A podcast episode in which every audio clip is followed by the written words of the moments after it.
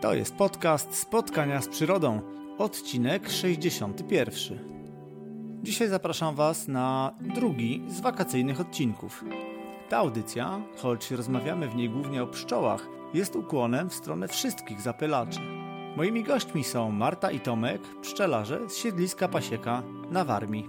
No to zaczynamy! Ja nazywam się Michał Stanecki, a to jest podcast Spotkania z Przyrodą, poświęcony przyrodzie, fotografii i naszej wewnętrznej naturze.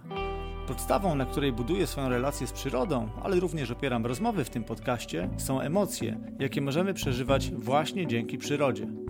Jeśli jesteś obserwatorem, fotografem albo pasjonują Cię wszelkie inne formy przyrodniczych aktywności, to ten podcast jest właśnie dla Ciebie.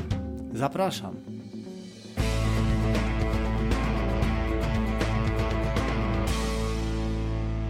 Drodzy słuchacze, przypominam, że możecie wspierać mnie jako twórcę tego podcastu na platformie Patronite. Znajdziecie bez kłopotu spotkania z przyrodą albo Michał Stanecki. Na blogu, w innych mediach, na stronach poszczególnych odcinków znajdziecie link do mojego konta na Patronite i zawsze możecie tam zajrzeć. Bardzo dziękuję moim patronom Łukaszowi, Stanisławowi, Wojciechowi, Katarzynie, Markowi i Ani. A dzisiaj szczególne podziękowanie chcę wyrazić Annie, Marcinowi i Joannie, którzy dołączyli do tego zacnego grona. Wszystkim Wam pięknie dziękuję, że jesteście ze mną. Dzień dobry, dzień dobry moi drodzy.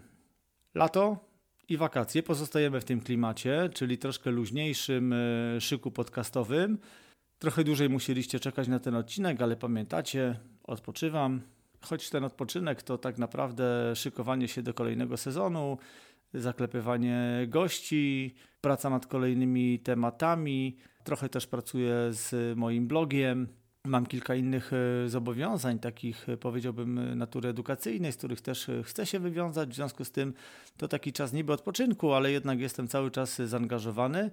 No ale wspieracie mnie, dopingujecie. Wiem, że niektórzy z Was czekają na kolejne odcinki, więc miło mi, jestem zmotywowany i działam. Dzisiaj będziemy rozmawiać o pszczołach, ale tak jak powiedziałem we wstępie, to jest ukłon dla wszystkich zapylaczy, które towarzyszą nam od zawsze i przez nas nie mają obecnie lekko.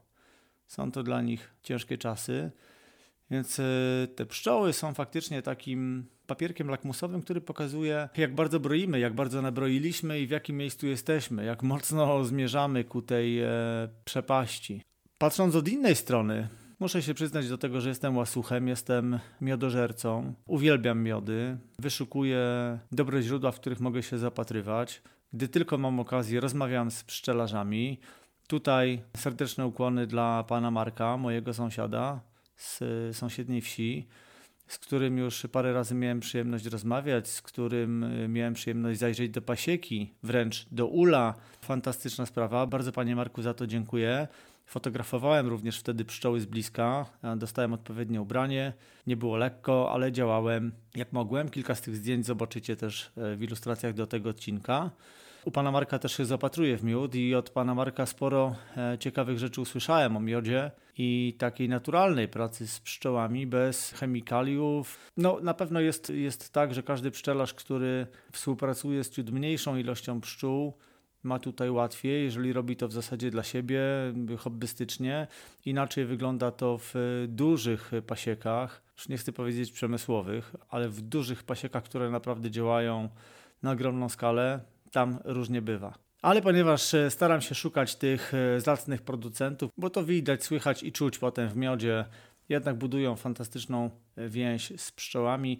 Udało mi się kiedyś na Warmii trafić na na takich ludzi i dzisiaj będziecie mieli okazję posłuchać rozmowy o tym, jak wygląda życie pszczelarzy, jak wygląda praca w pasiece, jak wygląda ich relacja z przyrodą, bo przecież nie da się tego oddzielić. Może te pszczoły, które zbierają na rzepaku czy gryce, są trochę bliżej nas i jakby tego ludzkiego produktu rolnego. Natomiast no już te, które zbierają po lasach, e, czy to na, na kwiatach malin, jeżyn, czy na leśnych lipach, czy zbierają spać, no to faktycznie już z taką e, naturą przez duże N obcują.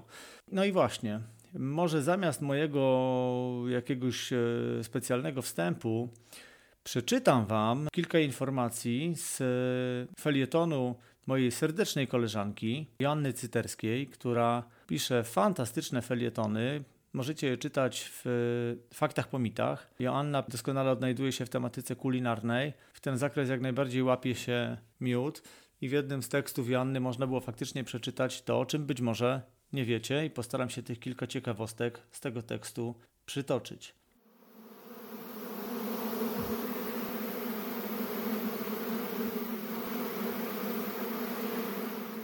Jedna pszczela rodzina to oprócz królowej od 20 tysięcy do nawet 80 tysięcy robotnic i od 300 do 3000 trutni.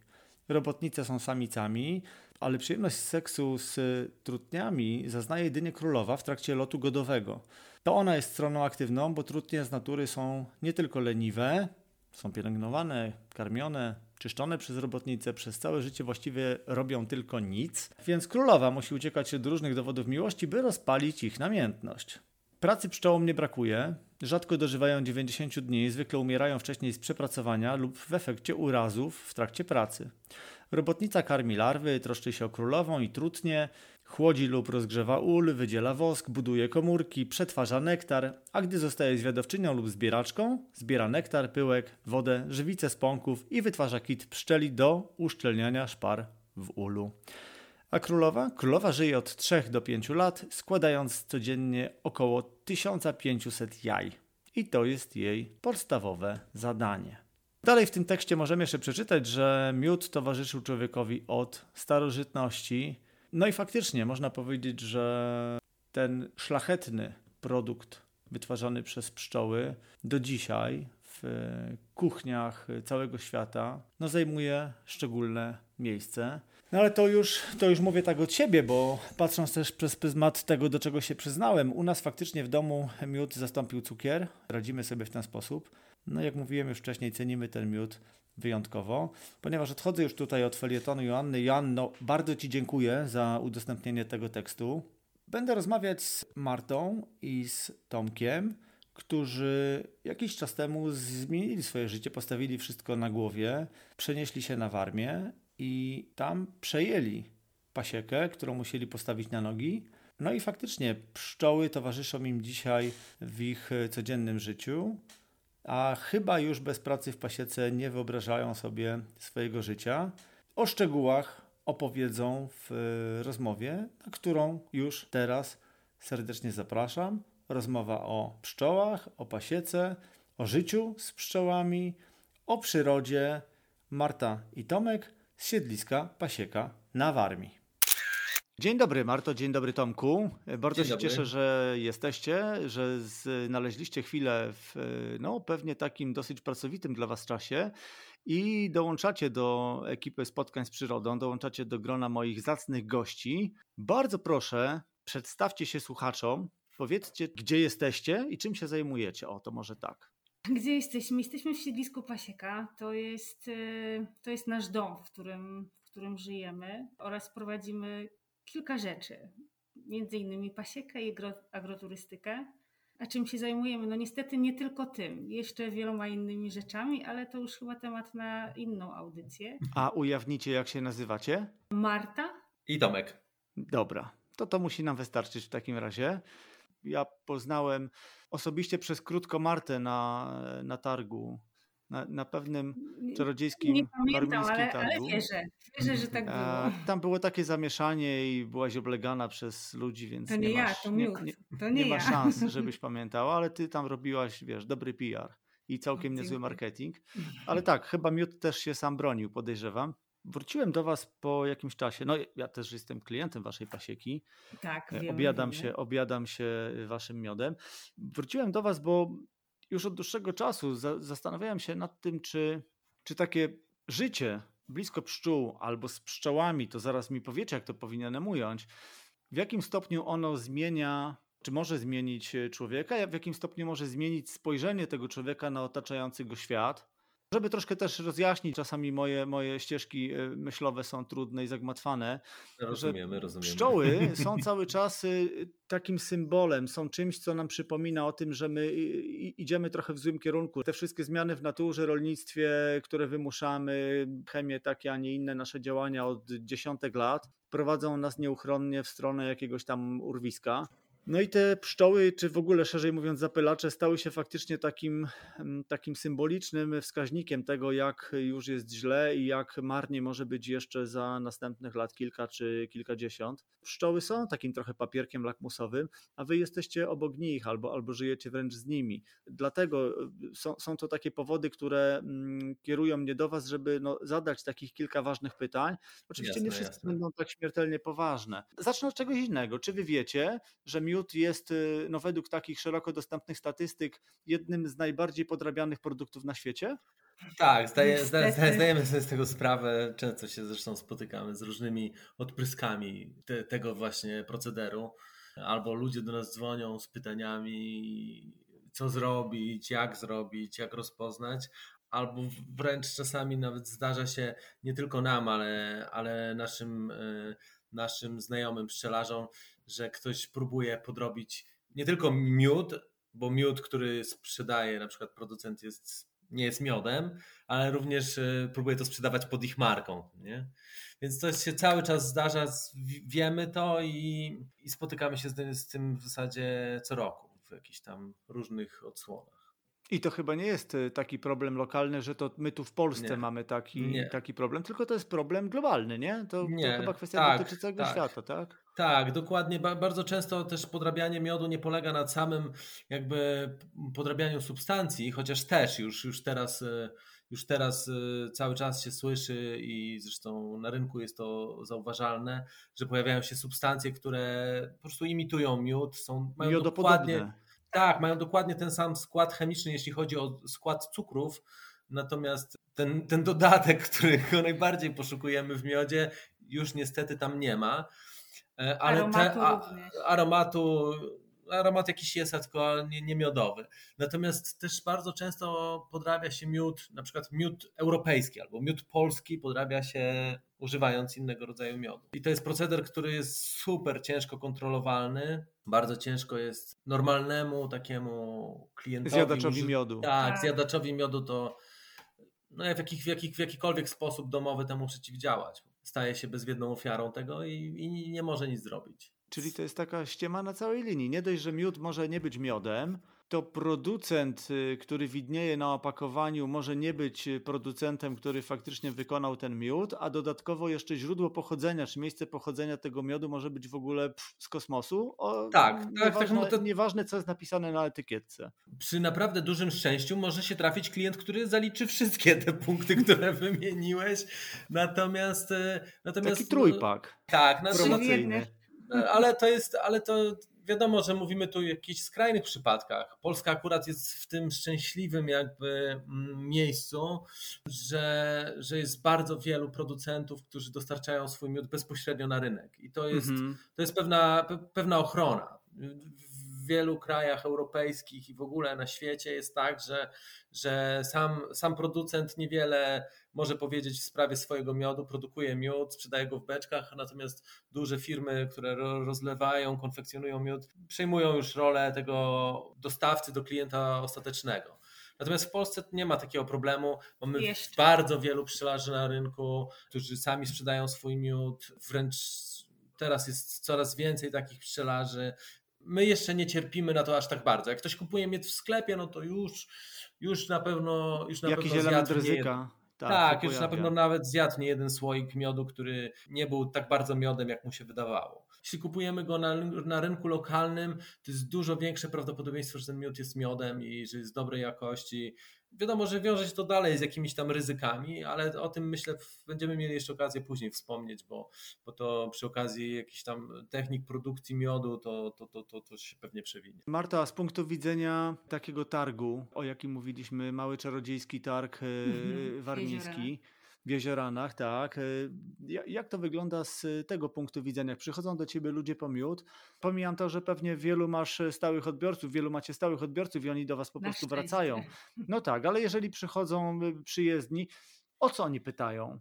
O co pytają y, potencjalni nabywcy i zjadacze miodów? Niestety często wśród nowych klientów zauważam taką tendencję e, pewnej mody. Pewne e, miody są w danych okresach e, modne, bo gdzieś ktoś coś napisał, powiedział i taka jakaś reklama gdzieś tam przechodzi jakieś różne środowiska i są poszukiwane miody nadzwyczajne, typu e, wiśniowe, porzeczkowe, jakieś szałwiowe. Owszem, może one występują, ja absolutnie tego nie neguję. Miody, które, które w zasadzie nie występują. Ale powiedzmy, że występują. Może ktoś ma jeden ul i dużą plantację szałwi i może akurat nektarowała i udało się zebrać e, taki miód.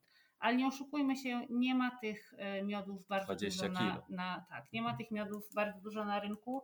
E, a ludzie gdzieś jakby e, zasłyszeli i chcieliby taki miód. Dziwi mnie to, że nie zdają sobie sprawy, że naprawdę żeby pszczoły zebrały trochę tego miodu, potrzebne są olbrzymie areały. To nie jest tak, że postawimy sobie 24 ule e, przy 10 lawendach czy przy 10 jakichś roślinach i, i będzie już taki miód. To jest trudne do wytłumaczenia klientowi czy jakiemuś potencjalnemu miłośnikowi miodu, no i często też cena. Często pada pytanie, dlaczego miód jest drogi, na przykład może nasz. Chodzi o sposób pozyskiwania tego miodu, o dbałość o pszczoły, o wszelkiego rodzaju zabiegi, które się z tym łączą. Wiemy, ile pracy kosztuje to pszczoły, nas, yy, dlatego cenimy to. Może dlatego też jest to produkt tak chętnie yy, i często podrabiany. Ale też klienci pytają o przynajmniej jak przyjeżdżają do nas, to pytają właśnie, jak rozpoznać, czy miód jest dobry. To jest super częste pytanie. Najlepiej spróbować, tak? Powąchać, spróbować. Albo czy mogą kupić miód y, dobry w sklepie. Albo bardzo często. Albo jakby, o płynne miody. Tak, bardzo często o. też pytają o płynne miody. Czemu mhm. nie mamy płynnych miodów? Czy te są z cukrem? Tak, czemu, czemu, ten miód jest, czemu ten miód jest cukrzony? Nie? Czyli, że jest w formie stałej i w formie czasami w formie grubszych kryształów. Czyli z, gdzieś tam przewijają się cały czas te, mm, te takie nasze strachy, strachy o to, że ten miód, strachy, który tak, tak. kupujemy, to, że on jest gdzieś tam już oszukany. Trochę też się nam e, takich informacji wpajało przez lata. Bo, bo tak, myślę, miód że. Wy... zawsze płynny, zawsze po prostu tak, złoto płynące. Tak. Tak, y, z takiej plastikowej um, buteleczki w kształcie misia w kapeluszu. Też, też mógł być. To jeśli pozwolicie, to do tych y, powiedziałbym takich kwestii no, no, nawet i technikaliów, e, sprawdzania jakości miodu, czy w ogóle weryfikowania takiej e, prawdziwości miodu sobie w dalszej części rozmowy na chwilkę jeszcze wrócimy. Mhm. Natomiast y, no, chciałbym zapytać o to, jak bardzo wy, pszczelarze, jesteście zamontowani w przyrodzie? No jesteśmy, jesteśmy, wiadomo. No, my pracujemy, jesteśmy rolnikami, więc pracujemy w rolnictwie i w zasadzie od przyrody zależy wszystko. Czy będziemy mieli miód, czy pszczoły będą rozwijały się dobrze, szybko, w odpowiednim okresie, będą na, zachodziły, zachodziły w rodzinach pszczelich pewne procesy, więc my zależymy w 100%. Jeśli no to czy, rok czym tu się słaby, martwić? To są, są do, do, doskonałe dzisiaj środki, fantastyczne lekarstwa, karmy. Wszystko jest pod ręką. Co tu się na, martwić? Na, na pewno, na pewno, na pewno. Jeśli się stosuje te wszystkie środki, może jest łatwiej. My staramy się jak najmniej ich stosować, więc, więc może, ale to też nie do końca jest to, bo świetnym przykładem jest ten rok. Jest naprawdę w miarę sensowna pogoda, i pada i nie pada, czyli idealnie. I słońce. I, i słońce i, nie słońce, więc jest, jest naprawdę bardzo taki wzorcowy rok. Może wiosna troszeczkę tam spłatała jakiegoś figla, ale w zasadzie nie powinno to mieć wpływu na przyrodę. Natomiast my widzimy, że w naszej pasiece, w tym naszym tutaj regionie, czyli to może być nawet bardzo wąski obszar, bo wiem od innych pszczelarzy, że gdzieś kawałek dalej już jest całkiem inaczej, ale u nas w tym roku jest akurat słabo, więc y, my czujemy, że na nas jest dodatkowa presja, że musimy się postarać dodatkowo znaleźć nowe pożytki, przewieźć pszczoły raz więcej, na nowe pożytki, odnaleźć im jakieś, jakieś źródła pokarmu i też e, dla Pod nas lipę. źródła miodu. Pod lipę. No nie, my wozimy zawsze podwozimy pod lipę, tylko Nasza problem jest pasieka taki, jest wędrowna. Tak, nasza pasieka pasieki dokładnie. Nie, nie, ja tak, ja tak powiedziałem, bo widziałem dzisiaj chyba na Facebooku mi No. e, albo na Instagramie. E, coś z lipą tam mi mignęło. Tak. w tak. lesie. Tak, siedzą na Lipa. lipach w lesie, ale, i, i, i, ale nie zawsze ta lipa kwitnie, nie zawsze Ale, nektaruje. te, ale ten bo- moment jest teraz u was, bo ja jestem w Łodzi, jestem centralna Polska albo w Aha, okolicach Łodzi, jest gdzieś na wsi. Tak, Znaczy właśnie wiesz co, jest. ale jeszcze, jeszcze jest ten moment, że jak dochodzisz do lipy, zwłaszcza Pachnie. takiej, która sobie stoi solo gdzieś, nie? Duża, duża rozłożysta Mhm. lipa, no to przecież tam wszystko buczy, brzęczy. Słychać, że to jest w ogóle wszechświat na tej lipie, nie? No, jeszcze jeszcze czasami jest tak jest. tego momentu, tak. To, to u Czasami nas tak jest, a u nas dzieje. na przykład też y, bywa tak, że, że czasami lipa nie brzęczy. Kwitnie, Aha. a nie brzęczy. Nie? To się też zdarza. Bardzo często to się zdarza. Lipy to są bardzo fochliwe drzewa. Wystarczy, że jakaś dużo większa burza przejdzie i potrafią strzelić focha i przestać nektarować w związku z tym. To dokładnie pokazuje, jak bardzo zależymy od przyrody, jak często zdarza się tak, że idzie wszystko świetnie, a wystarczy jeden, Jeden jeden jakiś porządna zlewa albo burza i nasze oczekiwania nagle zmieniają się po prostu w błoto. Powiercę wam trochę jeszcze dziurę w brzuchu palcem, bo mówisz, że jesteście rolnikami, no, Mhm. pracujecie na to, żeby te pszczoły miały z czego, że tak powiem, też pracować, ale to pytanie moje, no przewrotnie, ono jest dość głębokie, bo mówicie, że zależycie od tej przyrody i tak naprawdę no, to jest wasza praca, to jest e, wasza pasja, bo tego też się chyba nie da rozdzielić, przynajmniej nie wyobrażam sobie, żeby, żeby mogło być inaczej. Ta zależność może dawać pewne pokusy No do tego, żeby, żeby pójść na skróty, bo, bo jakby Od też mamy to gdzieś z tyłu głowy, nie?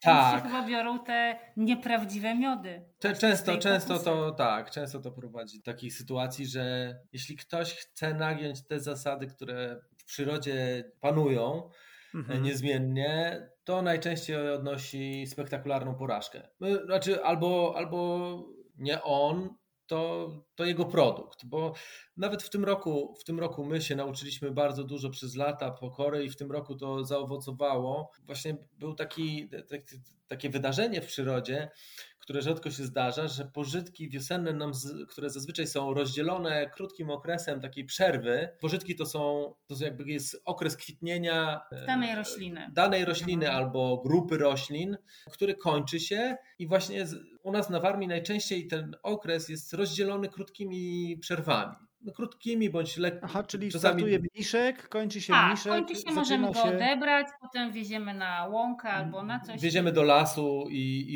i- i zazwyczaj jest tak, że zdążymy odebrać mniszek, wieziemy do lasu, one zbierają bądź nie zbierają las, kończy się las i my udaje nam się przewieźć je yy, dalej. Natomiast w tym roku to się wszystko zaczęło zlewać. Ten las troszeczkę odpalił wcześniej. Przez pogodę wczesnowiosenną ten mniszek i rzepak przedłużył. troszeczkę się przedłużyły.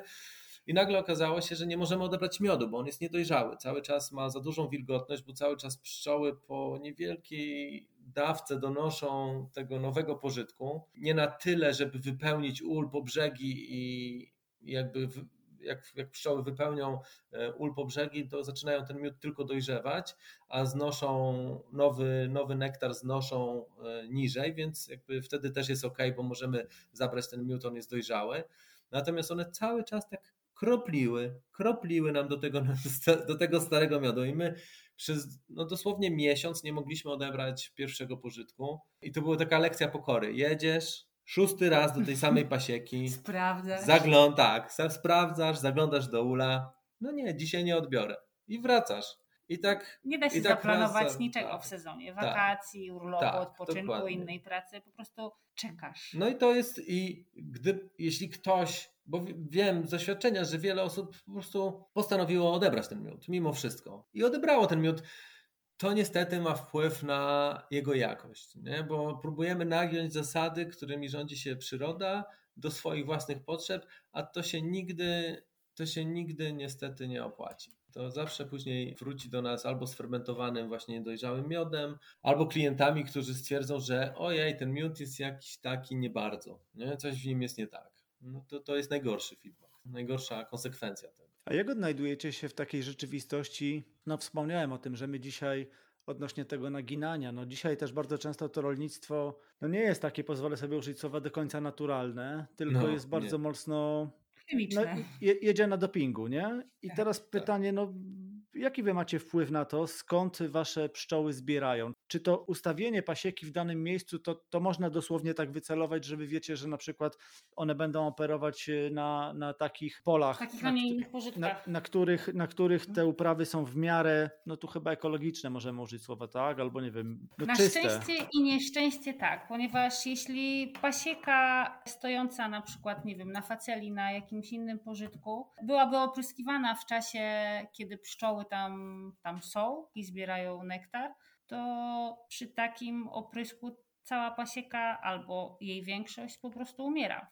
Znaczy, Mhm. jeśli jest opryskiwana pestycydami, Tak. bo wiadomo, że są tych oprysków teraz jest pełno różnych. My możemy wybierać. Wiadomo, że są rośliny, które w dzisiejszym rolnictwie w ogóle nie są uprawiane ekologicznie. Tu mam na myśli takie rośliny jak rzepak, gdzie ekologiczna uprawa rzepaku to jest, to jest margines, totalny margines. Tam możemy mówić, podejrzewam, o jakimś procencie, może coś, może nawet mniej. Więc chcąc zawieść pszczoły na rzepak, nie możemy sobie wybić z głowy mrzonki o ekologicznym rzepaku. Nie?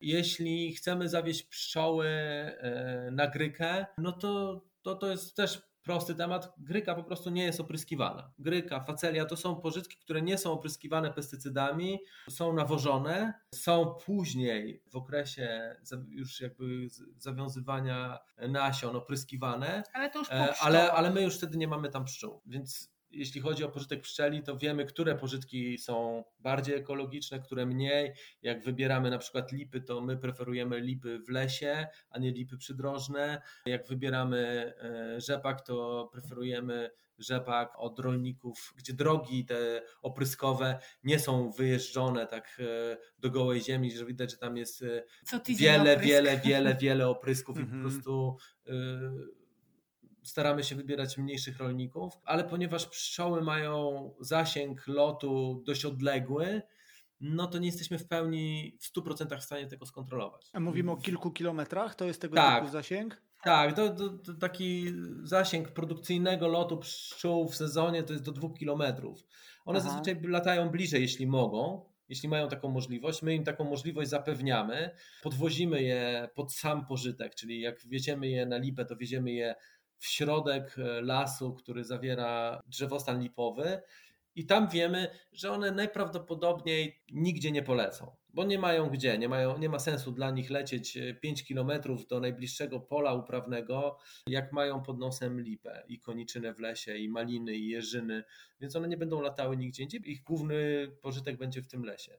Natomiast ta nasza kontrola jest y, bardzo umowna, bo wystarczy, że jakiś rolnik gdzieś tuż za lasem, na polu, którego istnieniu nawet my nie wiemy, przeprowadzi jakieś szalone opryski, no i pszczoły dostaną mocno wtedy. Ale też jakby staramy się wybierać, e, jeździmy, sprawdzamy, rozmawiamy z ludźmi, rozmawiamy z rolnikami, staramy się z nimi być w jakimś kontakcie. Jeśli wiedzą, że coś się dzieje, żeby dali nam znać. E, Dokładnie. To jest bardzo cenne, żeby doceniać też również tych rolników, którzy mm, sieją te różne rośliny miododajne, bo jakby korzyść jest obopólna, ale no, pszczoły bez tych pożytków niestety no, nie miałyby niczego. Tak, i są rolnicy, którzy bardzo się starają, którzy wręcz e, rygorystycznie przestrzegają tych zasad i oprysków, i właśnie, żeby nawet na swoich sąsiednich polach, jak wiedzą, że mają na swoich miododajnych roślinach mają pszczoły, to na sąsiednich polach starają się, żeby, żeby te pszczoły e, nie dostały, nie dostały od oprysków z innego pola, nie?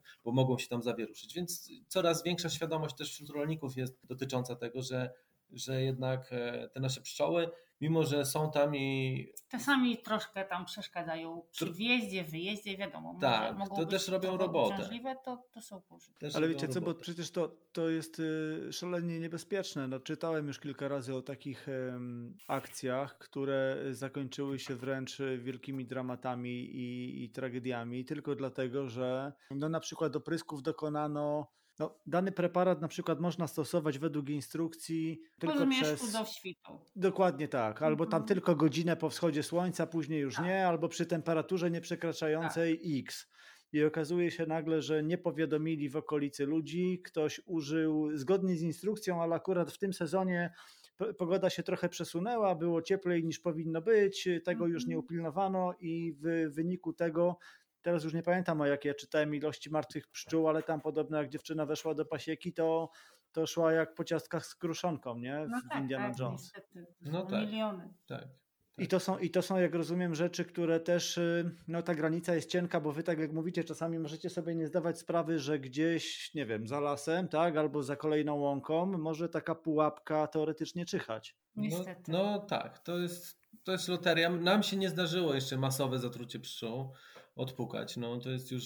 Y, Czyli macie dobry lat. wywiad, robicie dobry tak. wywiad, macie research super, jeśli chodzi o rolników i dobrze celujecie pszczołami w uprawy. Na razie tak. Na razie tak. Też staram się wybierać jak najwięcej tych e, jednak naturalnych, e, naturalnych pożytków, jak łąki, jak lasy, jak właśnie e, facelia, gryka, gdzie te ryzyko jest dużo mniejsze niż, niż przy innych. A jak długo zajmujecie się pszczelarstwem? 14 lat właśnie, bo ja powiedziałem 15, ale Marta mnie uświadomiła, że to Odkąd 14. zamieszkaliśmy w naszym lesie. A powiedzcie, y, jak w jaki sposób uczyliście się pszczelarstwa? Sami, po prostu sami, z pomocą znajomych. Z YouTube'a. Wtedy jeszcze YouTube słabo hulał, a u nas to już w ogóle. Internet w lesie jest naprawdę. tak, Okej, okay, ale... Pamiętam, ale... Że, próbował, że przyjechał no. do nas znajomy z miasta i próbował nam jakiś filmik odtworzyć i po pół godzinie poddał się całkowicie. Aha.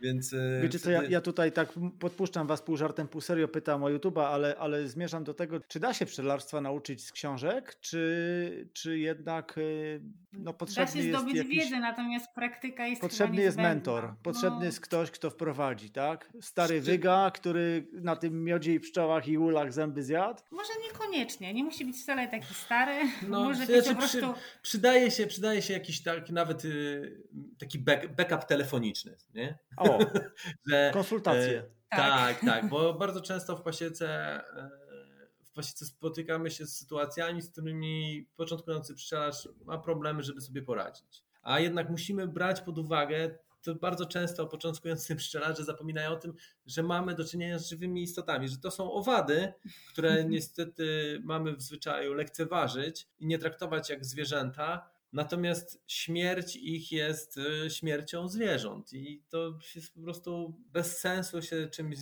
za, coś zabierać, bo często to nie jest porównywane, ale to trzeba tak porównać, jakbyśmy się zajęli hodowlą psów, a później dali im umrzeć, bo, bo po bo prostu nie wyszło, bo nie, bo, bo nie wyszło, mhm. bo nie mamy czasu, bo coś tam zaniedbamy je, damy im umrzeć, bo niestety pszczoły hodowlane bez naszej opieki w zasadzie w dwa sezony umierają po prostu, albo zabiją je choroby, szkodniki, inne problemy, z którymi współczesny pszczelarz się musi borykać. W dwa lata nie ma pasieki. Nawet jak ja bym swoją pasiekę teraz zostawił, to po dwóch latach e, już nie byłoby czego zbierać. A w ulach będą sobie mieszkały myszy.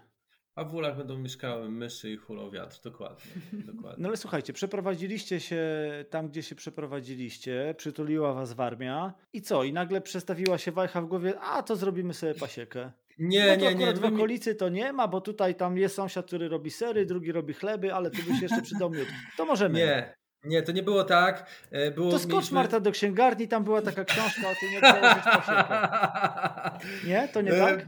Nie tak, to był choć, przypadek. choć blisko, ale mieliśmy przy, przyjaciół e, pszczelarzy, którzy z naszego rocznika, nie starych, starych pszczelarzy, wyjadaczy. tylko tak, nie starych wyjadaczy, tylko to byli znajomi, z którymi z różnych, z różnych środowisk się tam znaliśmy i oni mieli pasieki. I my, ponieważ właśnie przyjechaliśmy do Polski, właśnie kupiliśmy gospodarstwo rolne, no to, to, to, to, postanowiliśmy, że to nie jest taki wcale zły pomysł, tym bardziej, że... Oni chcieli się już tego pozbyć. Tak, oni sprzedawali lat stwierdzili, że jednak dokładnie. nie. No dobra, ale wy wcześniej mieliście jakikolwiek kontakt, nie. coś nie. was wcześniej połechtało? Może chociaż nie. obżeraliście się miodem po prostu? pszczoła. Nie, ja nawet nie przepadałam za miodem, muszę przyznać. Ja I zawsze myślałam, że miód jest płynny, a ten skrystalizowany to na pewno jest jakiś podrobiony. Okej, okay, ja przynajmniej lubiłem miód. O, dobra, to, to, już wiele tłumaczy, dobra, to już mamy jakiś trop.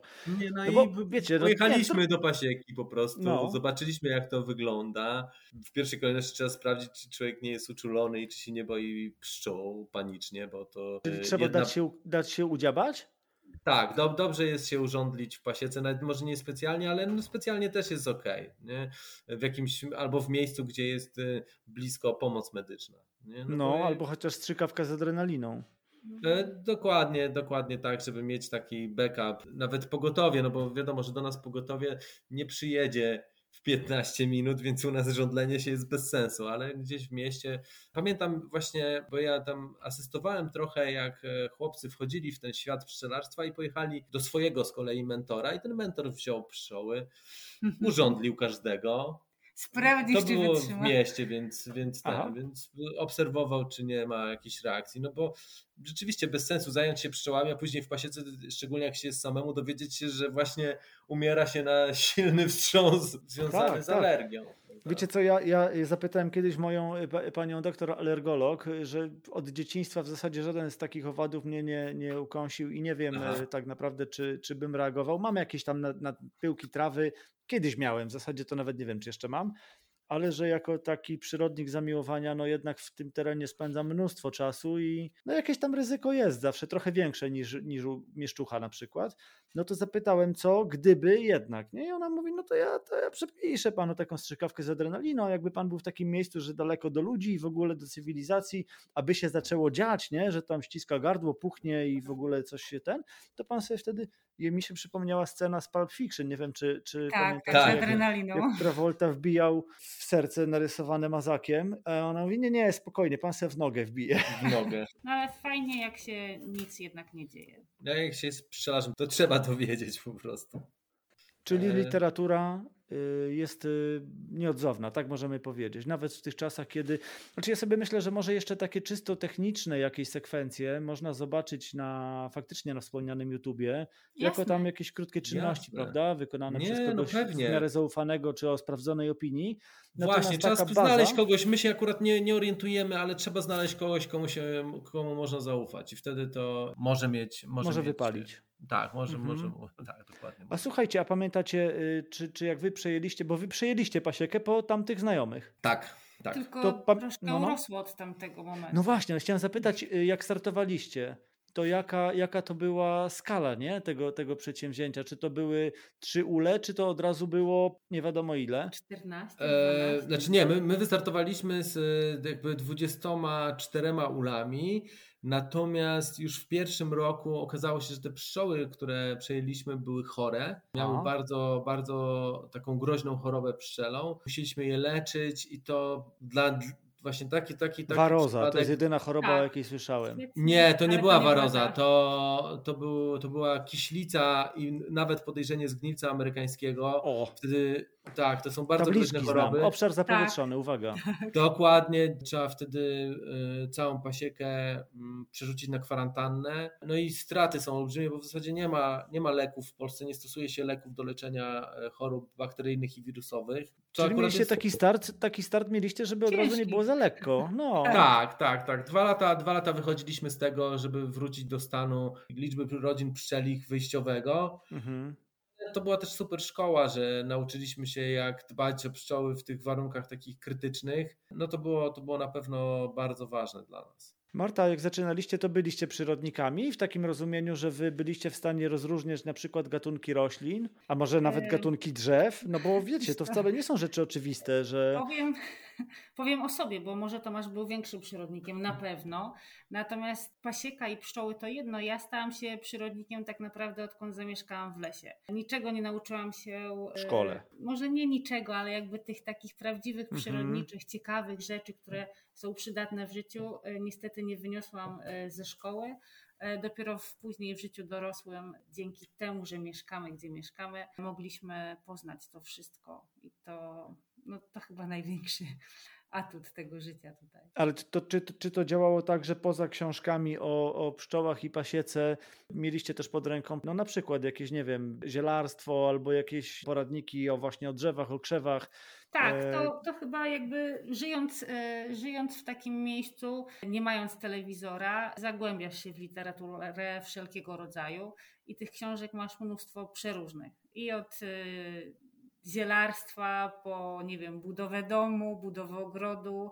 Po prostu kupujesz, zbierasz, dostajesz, kuchnię, pszczoły, więc y, sięgasz, tak? Przychodzi jesień, kominek, siadasz, sięgasz, czytasz i wiesz. Hmm.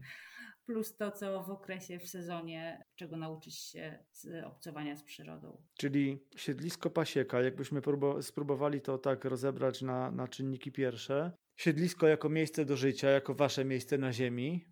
Tak. Zdecydowanie tak. Tu jeszcze dochodzi ten kontekst, y, bo wy też przyjmujecie gości, prawda? Więc to siedlisko jest też takim miejscem, taką Mhm. trochę waszą wizytówką, ale, ale y, w sensie zaproszenia do siebie, do tego waszego świata ludzi z zewnątrz. A pasieka, no to już taki sposób na życie, nie? Bo to siedlisko to jest takie trochę też, przynajmniej ja bym tego oczekiwał, mam nadzieję, że będę mógł, ja byłem niedaleko was, ale u was nie, Mhm. ale będę miał y, okazję, mam nadzieję, że będę miał okazję, to, to tak sobie to wyobrażam, że jadąc w takie miejsce, to tak chciałbym to czytać, że to, to siedlisko pasieka to jest takie trochę patrzenie przez szybę, ale nie w złym znaczeniu, że nie mogę Mhm. dotknąć, tylko właśnie takie obserwowanie przez, przez szybę tego życia, jak w takim, wiecie, super filmie przyrodniczym, tego życia pasieki, nie? Życia pszczelarzy, No żeby, ale żeby... tak w sezonie, tak w sezonie jest. Tak chyba powinno to wyglądać. Tak u was jest?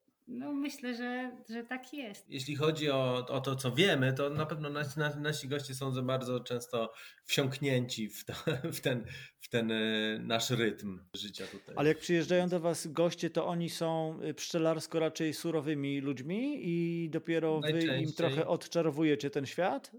No, dużo opowiadamy, staramy się rozjaśnić troszeczkę. Ale też często ludzie, którzy przyjeżdżają do nas do agroturystyki, wybierają to miejsce właśnie dlatego, że jest pasieka i właśnie dlatego, że liczą na to, że będą mogli to podejrzeć, o czymś porozmawiać, zobaczyć, jak to wygląda. Nawet z bliska? Tak, nawet z bliska. W kapeluszu? W stroju. Tak, tak. nie tak, wiem, jak się nazywa ten kapelusz tak, z znaczy to, nie, nie, ten kapelusz jasny, ale to często już jest, wiesz, cały strój, taki kombinezon tak Mhm. zwany pszczelarski, no bo nasze pszczoły nie są takie milusie jak niektóre inne rasy. Nasza rasa jest dosyć taka, Potrafi być ostra. potrafi być Uuu. ostra. Tak, ale da, da się wyjść do pasieki. Wiadomo, że zależy to od sezonu. jak- Pogody. Tak. Tak, no pewnie momentu, nie? Tam jest dużo Jak składowych, które... zwierzętami. Mhm. A słuchajcie, jak, tak waszymi oczami, jak, jakie są pszczoły? Jak, jak wy je widzicie? Jakie one są jako zwierzęta? Albo jakie O. one są jako taka cała społeczność zwierząt? No bo wiecie, to jest też u nich wyjątkowe, nie? No tak jak u tak. mrówek, u tych wszystkich y, zwierząt, owa- owadów społecznych, które jednak żyją w tych swoich wielkich rodzinach. Ale jak, jak wy te pszczoły widzicie? No bo No ja mogę powiem ci- powiedzieć jako obserwator z dystansu, no No Ja miałem- właśnie, jakie jest twoje spostrzeżenie? Bo to możemy potraktować jako punkt wyjścia. Znaczy wiesz co, to na pewno, na pewno będzie tak, że kiedyś y, one były wokół mnie, ale może Mhm. nie zwracałem na nie jakoś szczególnie uwagi. A Od momentu, kiedy, bo mnie do przyrody też z, z, zaciągnęła fotografia przyrodnicza i ja odkrywając Mhm. poszczególne dziedziny tej fotografii przyrodniczej, no w końcu zacząłem się mierzyć też z, z zdjęciami makro, czyli musiałem się zbliżyć do swoich obiektów, które chciałem fotografować i w ten sposób na przykład przyłamywałem się z pająkami, bo miałem tam gdzieś kiedyś mama mi zrobiła kuku, jak byłem małym dzieckiem i no wiecie, to, to, to czasami tak, Tak, jest, tak. że to jest tam brzydkie, że tego nie ruszaj, że tutaj się odsuń, a tutaj jest tak i to może gdzieś y, niestety się zakorzenić. Ja już też parę razy się przyznawałem do tego w tej audycji, że, że musiałem to przepracować, ale to mi się udało i właśnie pomogła mi fotografia taka makro, gdzie coraz bliżej. No dzisiaj jestem, jestem zafascynowany y, w ogóle pajęczakami, jako, jako też niesamowitymi zwierzętami, świetnymi łowcami i tak dalej, i tak dalej. No i, i to jest raz. Druga sprawa, że no właśnie wszystkie te brzęczące zapylacze, bo my dzisiaj mówimy o pszczołach, ale to ja bym chciał, żeby ta, ta audycja to była takim właśnie ukłonem w ogóle w stronę tych wszystkich Szmieli. pracujących, tak, i- szmieli, i, i, od szmiele to w ogóle są jakby z kosmosu, nie? Takie grube, że to w ogóle lata i to jest Tak. niesamowite. Natomiast y, ta, ta fotografia taki swój szczyt złapała wtedy, kiedy moja sąsiadka, bo, bo my też urzędujemy póki co jeszcze w takim trybie, że kilka dni w mieście i tam bliżej weekendu na wsi. I na naszej leśnej działce y, pojawiały się pszczoły od naszej sąsiadki, która miała dwa ule. Właśnie dwa tak na własny użytek, też się tego uczyła od, Mhm, od mhm. początku. I u nas jest sadzawka. My mamy y, sadzawkę, jakiś tam ruch wody, szum i tak dalej, głównie dla ptaków, taki był zamysł, bo ona jest y, zbudowana przez nas, ale nie w formie jakiegoś tam oczka ogarniętego i podświetlonego, tylko taka wręcz lekko zabagniona z roślinnością. Naturalnie. Nie uwierzylibyście, że nie. I ona sobie zdziczała spokojnie i to tak działało, że w pewnym momencie zaczęły przylatywać do nas pszczoły i one po prostu obsiadały całe brzegi, obsiadały całą tę roślinność najbliżej wody. To wszystko tam brzęczało, huczało, a ja doszedłem do tego, że sobie mogłem wśród nich dywan. leżeć na łokciach i fotografować je z odległości czasami dwóch centymetrów i one pozwalały i tam się nic nie działo, tam nie było żadnych nerwowych ruchów, ani z zajęte. jednej, ani z drugiej strony. No i wtedy, i wtedy dopiero zacząłem patrzeć na nie jak na zwierzęta, a nie jako coś, co gdzieś lata i, i brzęczy. Dzisiaj e, fascynują mnie obserwacje szerszeni. Nie wiem, czy, czy wy je. Mm. No, ja je szanuję Znamy, jako mamy. zwierzęta. Ty, tym No, bardziej, tak. że znaczy one chyba mogą narozrabiać, jeżeli chodzi o pszczoły, prawda? No mogą niestety, no ale Ale to też y, dużo, dużo, dużo tutaj YouTube zrobił jakiś No Jakieś dobra, tak to- bardzo- to, to, to, pszczoły. nie, to tak, nie bardzo złej to. krwi. Ja je szanuję jako po prostu, to są latające duże zwierzątka, podziwiam je, szanuję, mam dreszczyk na plecach za każdym razem, kiedy przylatują do mnie, a, a przy, przylatują jak na przykład czeremchy kwitną, no to one tam y, cały czas się kręcą. To są raczej pojedyncze owady, to nie jest tak, że przylatuje cała eskadra i, czy- i chowaj się, wiesz, Mhm. wszędzie i uciekaj. Nie, nie, spokojnie można je obserwować, można je fotografować. No to zacząłem, ta, i tak właśnie z pszczołami, zacząłem traktować jak zwierzęta. I w ogóle wydaje mi się, że to jest chyba taki krok, który no każdy przyrodnik, ten mniej zaangażowany czy bardziej, musi w swoim życiu zrobić. To znaczy otworzyć na coś oczy. Można chodzić, wiecie, do lasu albo nie wiem, przejeżdżać codziennie przez las rowerem i nigdy nie można powiedzieć, że ja w tym lesie byłem, bo ja w tym lesie nic nie przeżyłem. Ja w tym trzeba lesie nic tak naprawdę. Tak. I to jest dzisiaj klucz do każdej kwestii z tym związanej. Więc No. jak się pochylisz i zobaczysz te pszczoły, usłyszysz, niemalże ich dotkniesz, czy ktoś ci da szansę, że podejdziesz do ula, albo właśnie cię zaprowadzi ze sobą prawie że za rękę, pokaże, coś o tym opowie, to to odkrywasz świat, który no właśnie masz obok siebie, a którego się wcześniej nie widziało. No i teraz zastanawia mnie, że wy z nimi, kurczę, dzielicie z nimi swoje życie. I teraz jaki jest wasz punkt widzenia?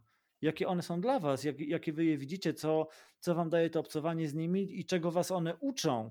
No bo to, to że już was Mhm. uczą przyrody pośrednio, to już, to już wiemy, nie? Że, że No tak. musieliście wejść w ten świat i to, to dzięki nim, przez nie, dzięki nim. Czy, czy, czy one was jakoś zmieniły, wasze postrzeganie świata, nie wiem, dystans, szacunek? Znaczy, Opowiadajcie. powiem ci tak, że no, najpierw, najpierw y, o tym, jak, jak, my, jak ja widzę pszczoły przynajmniej, to zaczynałem z punktu wyjścia takiego jak wszyscy, że pszczoły to pracowite owady, które Ciężko pra- pracują. ciężko pracują. Zapylają i- roślinki, zbierają pyłek. Tak, tak. I rzeczywiście tak jest, no bo ta ich praca jest super ciężka. To jest praca tak ciężka, że owad, który może żyć pół roku, bo zimujące pszczoły żyją pół roku, może zaharować się na śmierć e, w przeciągu kilku tygodni. Więc one pracują tak, jak nie pracuje bardzo wiele innych gatunków. Nie? Zacharowują się na śmierć, jak ludzie prawie.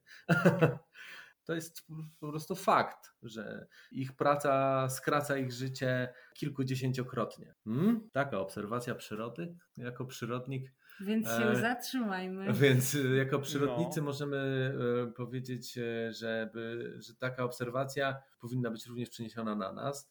Więc one są super pracowite.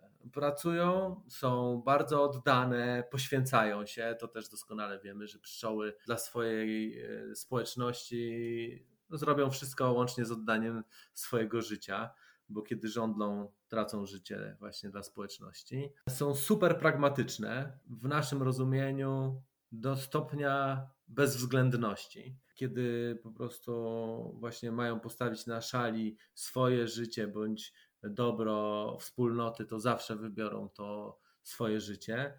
E, Jak e, kończy się sezon i trutnie, i trutnie już nie są potrzebne do zapładniania matek, to po prostu kończą życie, zostają wygnane z ula, albo jeśli nie da się ich wygnać, to po prostu zabite na miejscu. Więc... Tam jest też jakaś kwestia tego, to że jest- one przestają być dokarmiane, prawda? Tak, tak, ty nie, nie karmią je, zaczynają je wypychać z ula, ale Mhm. zdarza się tak, że wyniku po prostu jak, jak, jak dzieli się ul na dwa ule, to jest takie miejsce, gdzie trudnie mogą być, e, a nie są w stanie wyjść, bo są oddzielone taką kratą, to pszczoły wręcz po prostu zabijają je, rozczłonkowują i wywalają na zewnątrz przed ul. Więc Grubo. e, ich praga, pragmatyzm sięga wręcz do, takiego, do takiej bezwzględności. My byśmy tak to ujęli. Mhm. Choć ja przywykłem jakby patrzeć na to w inny sposób, że one nie mają innego wyjścia, po prostu tak muszą funkcjonować, żeby rodzina, żeby ich geny przetrwały. Jest właśnie bardzo dużo u pszczół mechanizmów przetrwania, zarówno takiego normalnego przetrwania jako całej rodziny, ale też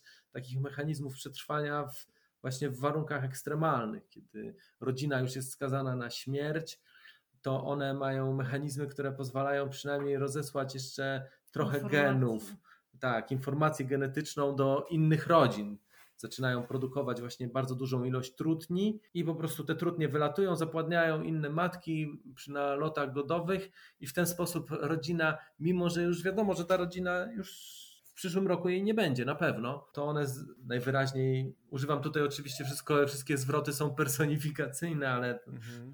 E, Nie wiem, czy one sobie zdają sprawę, ale po prostu robią taki ostatni łabędzi śpiew i wysyłają tylko swój, swoje, swoje geny w świat. No, więc to jest, to, to jest jakiś taki smutno. obraz, który ja mam, przyglądając im się z bliska i on jest, to nie jest miły, puchaty stworek siedzący na kwiatku i zbierający nektar i to nie jest pszczółka Jakoś beztrosko Maja powiedzmy, nie? Gucio.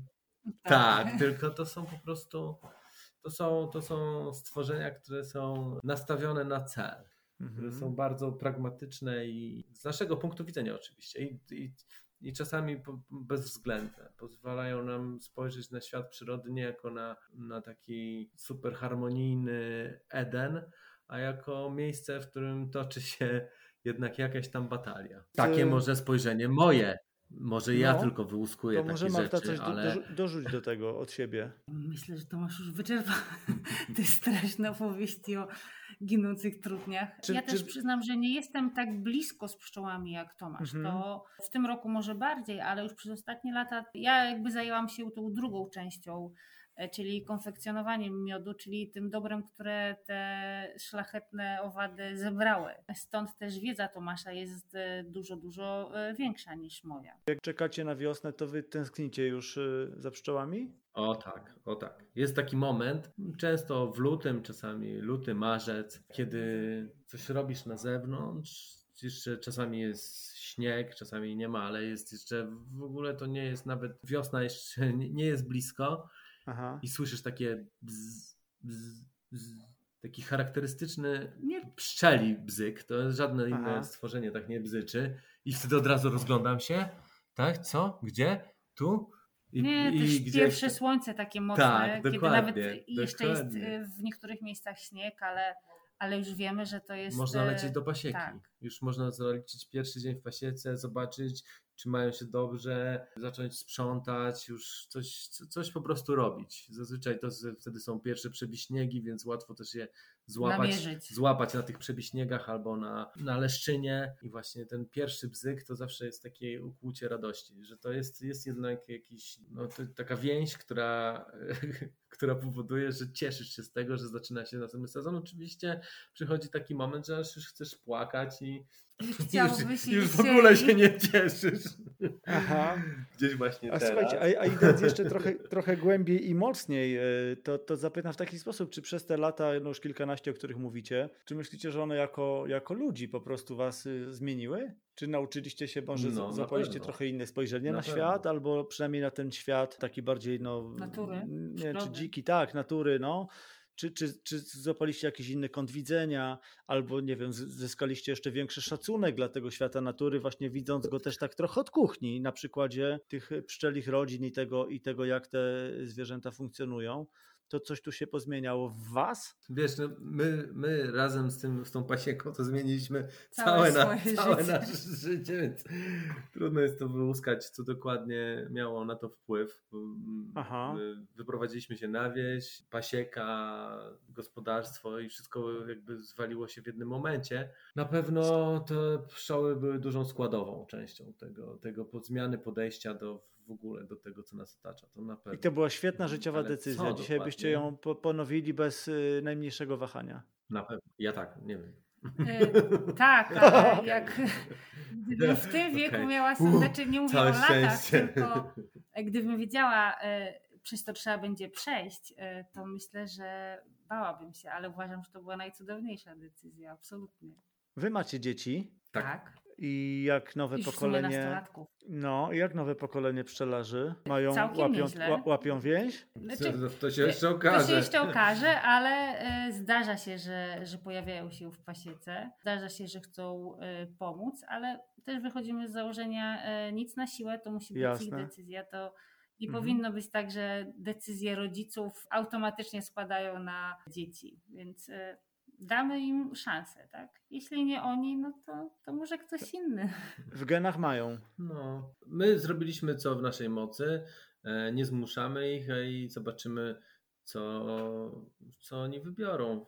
Wiecie, jest, jest tyle opcji teraz dostępnych, że dla nas wychowanych w mieście wyjazd na wieś był bardzo atrakcyjny, natomiast dla nich może być całkiem odwrotny. Tego ale jeszcze może nie kiedyś wiemy. się wrócą, jakby to niech decyzja będzie ich, nie nasza. Mhm. No ale są, ale są, są blisko. No, nawet jeżeli, tak jak mówicie, nie jest tak, że są Tak, zaangażowane bezpośrednio i wiadomo, że nie na, na każdym kroku, no to cały czas gdzieś muskają i dotykają tego pszczelego świata, więc jak, jak najbardziej myślę, dokładnie. że taką, Może taką nie bazę bezpośrednio jakąś już... pszczół, natomiast z Mhm. przyrodą są bardzo blisko. Myślę, że zdecydowanie bliżej niż my w ich wieku, a nawet niż my na początku naszej drogi tutaj To pewno. leśnej. Więc to wychowanie w lesie, na wsi dało dużo. To one bez szkoły znają wszystkie te Mhm. przyrodnicze nazwy, więc coś myślę, że No. to mm, duży plus. Dobra, a powiedzcie mi, czy, czy, czy, czy to Tak. się da tak, że się, że się tutaj otworzycie i powiecie, jak mo- może wyglądać taki przykładowy dzień pszczelarzy w sezonie? I to może być z punktu widzenia Tomka, który bardziej gdzieś tam, tak jak mówicie, praca y, przy, przy pasiece i, i z punktu Tak, widzenia terenie, tego, mhm. tego zbierania, a potem warsztatowego nie, działania. Wiesz co, Czy, czy, e, czy, czy pszczelarz przy- śpi przy do skali, południa, czy się ten- musi ten- zerwać o 5 rano? O nie. A? Nawet o Ró- trzeciej. różnie z tym bywa, tak. Są i momenty, kiedy trzeba przewieźć gdzieś pszczoły, a wiadomo, że muszą być wtedy w ulu, więc wtedy działamy po prostu. Wtedy, kiedy one są w ulu, to my jesteśmy Mhm. w akcji, Czyli w nocy. czyli w nocy o bardzo o świcie albo, albo właśnie ca, czasami całe noce. Musimy je czasami przewozić. Taki typowy dzień pszczelarza, takiego pszczelarza, który ma 10 uli, wygląda całkiem inaczej niż typowy dzień pszczelarza, który ma 200 uli. Wiesz, bo mój dzień potrafi polegać na tym, że ja cały dzień wypuszczam matki z klatek i daję pokarm pszczołom, bo jak zakładamy nowe rodziny, to, to mamy taki, e, mamy, zakładamy takie jakby przedszkole, w którym te nowe rodziny są e, odchowywane. No i jak muszę przejść przez 100 rodzin, taki, taki, taki, taką prostą czynność zrobić, która zajmuje 10 minut, no to mam 1000 minut wypełnione pracy, nie? Jak muszę zrobić 20 minut, to mam 2000 minut wypełnione. Yy, Więc czas, czas, czasami wystarczy, że robię taki, takiego, taką prostą rzecz. Natomiast taki pszczelarz, który ma 12 rodzin, to całkowicie właśnie dostosowuje się do tego, jak funkcjonują pszczoły. Nie idzie się do pszczół, jak one jeszcze są w ulu i jeszcze nie są rozbudzone i aktywne, bo to się źle kończy dla pszczelarza i nie za dobrze dla pszczół, więc y, idzie wtedy, kiedy, kiedy na to pozwoli i pogoda, i temperatura. Na przykład y, wiosną pracujemy, idziemy do pasieki, idziemy koło, koło 12 godziny, pracujemy 3-4 godziny w szybkim tempie, żeby zdążyć do momentu, kiedy temperatura już spada poniżej tych 10 stopni, żeby zamknąć im ul nie za bardzo wychłodzony. Pracujemy wtedy bardzo krótkie okresy czasu, otwieramy ul na 10-15 minut, czasami nawet na 2-3 minuty, żeby tylko sprawdzić stan, ewentualnie y, jeśli pszczoły mają jakiś problem, to ten problem im rozwiązać i przechodzimy do następnego ula. Więc całkowicie to jest taki, nie ma, nie ma w zasadzie standardowego dnia w pasiece, że idziesz i wiesz, że dzisiaj będę robił to i to. I tylko to i to. I nie E, wiesz, ile ci to zajmie i- nigdy. Tak, dokładnie. Mhm. Zazwyczaj jest tak, że idziesz, patrzysz, e, co masz w planie, ale kiedy wystarczy, że, że w kilku rodzinach dzieje się coś, e, co nie do końca jest zgodne z Twoim planem, no to nie zostawisz tych pszczół, żeby sobie same poradziły z problemem, tylko zazwyczaj ten problem musisz e, dla nich rozwiązać. Albo przyjeżdżam do pasieki, mam w planie robić miodobranie. Ale przyjeżdżam i, i na przykład widzę, że pszczoły po prostu Roją się. roją się na potęgę i już jedna rodzina wisi na drzewie. Coś, co na przykład dzieje się zbyt szybko, za, za prędko, miało się wydarzyć w następnym tygodniu, ale dzieje się już w tym tygodniu, no to ja rzucam swoje plany i po prostu zajmuję się tym, co w tym momencie jest do zrobienia. Więc bardzo często ten dzień dostosowujemy do tego, co pszczoły mają w planach, a nie my.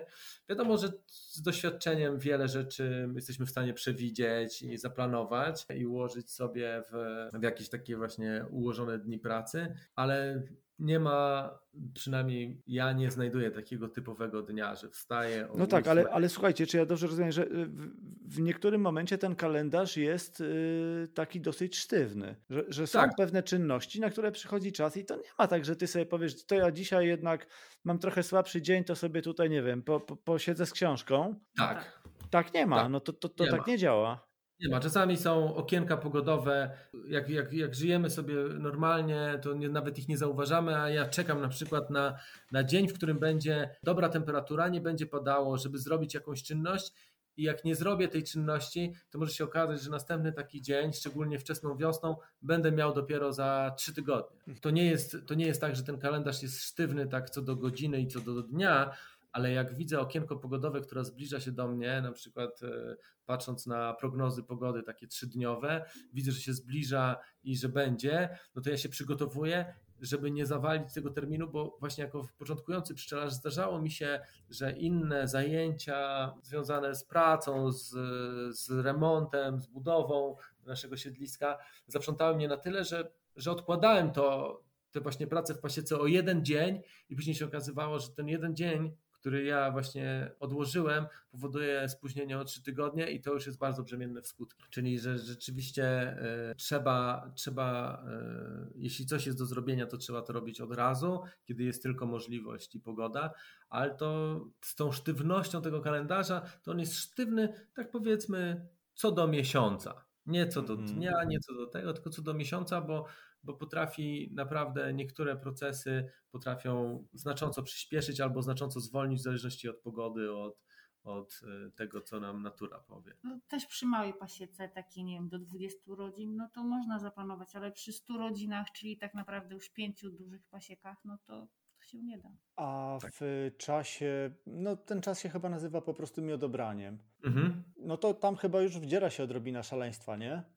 Zdecydowanie. Tak, szczególnie pierwsze miodobranie to jest. To jest pierwsze w sensie w sezonie. Pierwsze w tak. sezonie, tak, bo to jest, jest taki moment w życiu każdego pszczelarza, kiedy już yy, nie wie, czy iść spać, czy już się lepiej nie kłaść, bo, bo to nie ma sensu. Yy, I to jest właśnie związane z tym pierwszym miodobraniem, bo to jest taki krótki okres czasu, kiedy trzeba wziąć odkłady, czyli założyć nowe rodziny, zabrać miód przewieźć wszystkie pszczoły najlepiej tego samego dnia e, na nowe pożytki, no i ten miód odwirować, bo mm, w naszej pasiece my robimy to od razu, żeby on nie krystalizował, żeby go potem nie dekrystalizować, tylko żeby świeży był przelany od razu do słoików. Więc mamy trzy bardzo duże procesy, które najlepiej jest zrobić w tym samym dniu. Każdy z nich zajmuje około tygodnia, nie? Więc, więc, więc jest wtedy bardzo, bardzo, bardzo intensywnie i wtedy taki dzień pszczelarza wygląda jak e, jazda na rollercoasterze. I to raczej w tej wersji do góry nogami, a nie z nogami do dołu. Normalnie. Ale rozumiem, że w tym czasie wy się wspieracie i to już, to już jest tak, że wszystkie ręce na pokład, tak? Tak, tak, tak. Nawet, nawet staraliśmy się wspierać pracownikami, ale to nam nie wyszło, więc teraz y, przyjaciele, wszyscy, jedni nam pomagają z przewozami, ktoś przyjedzie. Całej Żerany przy... i okolice. Dokładnie, dokładnie. Mamy, mamy takie sprawdzone grupy przyjaciół, które e, wspierają nas w tych najtrudniejszych momentach, e, bo to czasami nawet trzy godzinki to jest po prostu mega dużo. Słuchajcie, powoli musimy zmierzać do brzegu, bo ja tutaj was wypuszczam na wzburzone i rozległe wody ale chciałbym, żeby, żeby to też wybrzmiało, bo czasy są dla, dla owadów zapylających niełatwe, jak już wiemy i tutaj nie ma co specjalnie się nad tym rozwodzić. Powiedzcie, jak my możemy wspierać pszczoły, jak możemy wspierać tych zapylaczy? Bo Każdy dzisiaj, wiecie, jest ten moment, kiedy trawnik krótko przystrzyżony i tuje, nie? No wiemy, przecież nie, no, trzeba... Rośliny nie dodajmy, tak. wszelkiego rodzaju, warto, warto, mhm. niech każdy posieje trochę, to będzie tego coraz więcej, coraz więcej, coraz więcej. Tak. Nie, nie, trzeba być dzisiaj ogrodnikiem, ekspertem, prawda? Dzisiaj można sobie pójść do sklepu ogrodniczego i kupić albo wysyłkowo, Nawet jak ktoś musi. Myślę, że teraz już Kupić sobie mieszankę. Tak modne, tak. Tak, do tego zmierzam. Można... Miododajnych roślin. Tak. Też można ule kupić w Obi, nie? To jest jednak znak czasu, że idziesz do Obi, możesz tam kupić ule i sprzęt pszczelarski w tym roku na przykład. Okej, okay, ale czy, bo ja, ja, się trochę boję tego tropu, wiesz, wiecie, dlatego, że i o tym mówił mi też taki pszczelarz, którego mam niedaleko tam swojej działki w okolicy, też taki naprawdę z podejściem takim czystej idei, nie? Kilka tylko uli, bo to jest y, pan, który przeszedł na emeryturę i on tak naprawdę, no, nie musi, nie? To jest dla niego no, tylko takie z pasji dodatkowe działanie dla siebie, dla bliskich. Idealne. I on też mówi, że dzisiaj właśnie doświadcza tego, że ludzie no trochę na fali takiej może mody, nie wiem czy to jest dobre tak. słowo, ale tak, więc to się odbywa tak, że no nie wiem, jeszcze, jeszcze do dzisiaj mam tra, trawnik na zielono i tuję, ale od jutra postanowię już mieć y, kilka uli u siebie i będę hodował pszczoły, nie? Okej, okay, no to może być właśnie mylny trochę trop. No, tak, i, i, i, właśnie dlatego bym się bał tego, że to jest znowu takie, takie łatwe, nie? W tych czasach instant, kiedy wiecie, wszystko można, tu wysyłkowo, jutro już stoi ul, yy, wpuszczamy, robimy, nie czytając tych książek, o których mówiliście, nie zadając sobie trudu na jakieś zgłębienie wiedzy i jakieś takie rozsądne wejście do tego świata i, i poznanie tej pracy trochę od kuchni. Okej, okay, czyli nasze ogrody y, mogą być takimi oazami. Warto, warto Pewnie, nie tylko tak. rośliny miododajne, ogrody, ale na nawet pewno... sady. To jest wszystko dla pszczół, nie tylko takich jak nasze hodowlane, no bo dla naszych ale dla innych zapylaczów. Tak, właśnie, dla innych zapylaczy. Chodzi też o to, żeby właśnie pozwolić, żeby przynajmniej kawałek tego naszego ogrodu naprawdę był dziki, nie? To znaczy nie przykoszony, nie przystrzyżony, żeby tam sobie kwitło, żeby czasami przyschło. No. Jeśli chodzi o, o w ogóle zapylacze, to każdy gest jest, e, jest super i domki dla owadów i, e, i łąki i nawet i właśnie... te pasy takie to są przy drogach teraz zostawiane. Wspaniały tak. pomysł. No tak. bo to tak. drgnęło, nie? To się ruszyło bardzo mocno. Tak, i, w, i nawet w miastach już się nie kosi trawników bardzo często i to jest, i to jest super, właśnie z tego korzysta bardzo dużo, dużo owadów. Natomiast y, w przypadku tych, pszczół, które my hodujemy, ten pożytek jest marginalny. To, to jest właśnie dla samotnic, dla trzmieli, dla różnych muchówek, dla no, całej masy zapylaczy, które mają bardzo ciężko, bo się nimi nie opiekuje człowiek. Nie? One mają gorzej, bo nikt ich nie hoduje, nikt nie będzie ich leczył, nikt nie będzie o nie zabiegał i dbał i nie będzie ich rozmnażał. To my oczywiście możemy tu różnie na to spojrzeć, bo to może być lepiej albo gorzej, nie? bo czasami jak się człowiek czymś zajmuje, to potrafi e, tak pomóc, że przeszkodzić. Nie? To, to doskonale wiemy, ale jeśli chodzi o same pszczoły, to, to myślę, że ta rosnąca świadomość wśród rolników, rolników, którzy, którzy uprawiają na dużą skalę, nie? żeby to jednak robić z głową, żeby używać, jeśli są dostępne środki, to używać środków mniej szkodliwych dla owadów, przynajmniej tak, żeby, żeby opryskiwać w, w taki sposób, żeby nie krzywdzić e, owadów zapylających. To są, to są bo wiecie, no, to, to jest tak, jeśli postawisz tysiąc domków dla owadów, nie, to do nich nie przyleci żadna pszczoła miodna, ani jedna pszczoła miodna, przyleci mhm. masa innych owadów, Natomiast jeden e, kretyńsko zrobiony oprysk może zabić miliony, miliony pszczół, nie? Więc e, skala zniszczeń, jaką może zrobić e, Człowiek. tak, nieodpowiedzialnym działaniem. Rolnik, jest nieporównywalnie większa do pożytku, jaki zrobi, zrobią tysiące ludzi e, Pewnie. w mieście. Przychylnych naturze, no jasne. Tak, jasne. dokładnie, dokładnie. Na pewno podchodzić e, z rozsądkiem do, do przydomowej hodowli. Ona jest super ważna, bo różnicuje gatunkowo pszczoły. Jest wtedy ten, ten, ten, ta pula genetyczna jest dużo bardziej różnorodna, co w świecie hodowlanych pszczół jest też ważne, żeby to nie była jedna rasa pszczół, tylko żeby one się mieszały, żeby one cały czas był nowy dopływ genów, więc ta przydomowa hodowla jest świetna i kiedyś, kiedyś była bardzo e, popularna. popularna i na wysokim poziomie, ale mhm. żeby ona nie była właśnie taka szalona, że, że po prostu jak nam się znudzi, to tak jak pieska oddamy do schroniska, tak samo pszczoły nie, po prostu przywiążemy w lesie sobie, no. żeby one po prostu e, umarły. Nierzadko właśnie z głodu, bo nie zapewnimy im, nie zapewnimy im po prostu odpowiednich warunków. Czy Ale to, to przecież wiecie, że wy musicie też o tym z ludźmi gadać, nie? Rozmawiamy, my, to jest... Nie, no ja, ja, ja, wiem, że wy tak, ja tak trochę tutaj na potrzeby też jakieś puenty w tej audycji, to między innymi to chciałem ruszyć, że Zresztą z wieloma moimi rozmówcami dochodzimy, dochodzimy zawsze do tego samego wniosku, że, że wiele tych rzeczy leży u podstaw, czyli w edukacji, której po prostu tak. często nie ma, albo ona dopiero raczkuje. I to jest właśnie ta szeroko pojęta, taka fajna, ekologiczna, zdrowa, nienachalna. Czy wam się zdarzyło, że na przykład zaprosili was do szkoły, do, do, do młodych ludzi, którym można było opowiedzieć to i owo? Czasami tak, ale my już my powoli też w związku, w związku z tym, że, że, że ta nasza pasieka jest bardzo e, pochłania, du, dużo czasu naszego pochłania, to, to, to, to po prostu odsyłamy do innych pszczelarzy, którzy mają więcej czasu.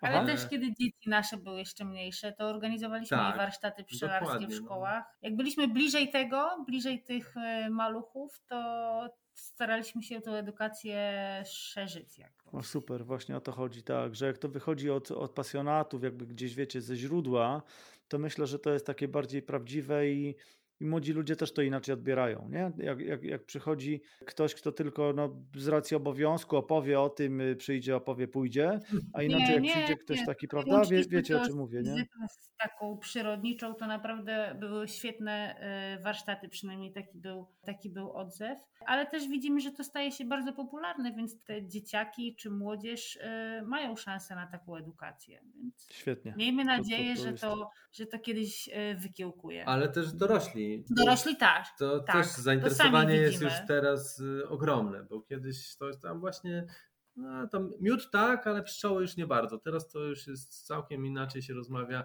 Widać, że świadomość y, różnych właśnie zjawisk związanych z pszczołami, z miodem y, jest, jest dużo większa niż była kiedyś. I dużo kobiet się interesuje pszczelarstwem, co jest sobie takie krzepiące. Tak, pszczelarstwem w znaczeniu hodowlą pszczół, tak, nie tylko, tak. że mhm. pszczelarstwem jako E, że o, fajny temat, tylko jako hodowlą pszczół, to tak. Ten mój sąsiad pszczelarz, on postawił taki mały drewniany domek, to bo może wyglądać jak taka, nie wiem, większa drewutnia na narzędzia albo bardzo malutki domek działkowy.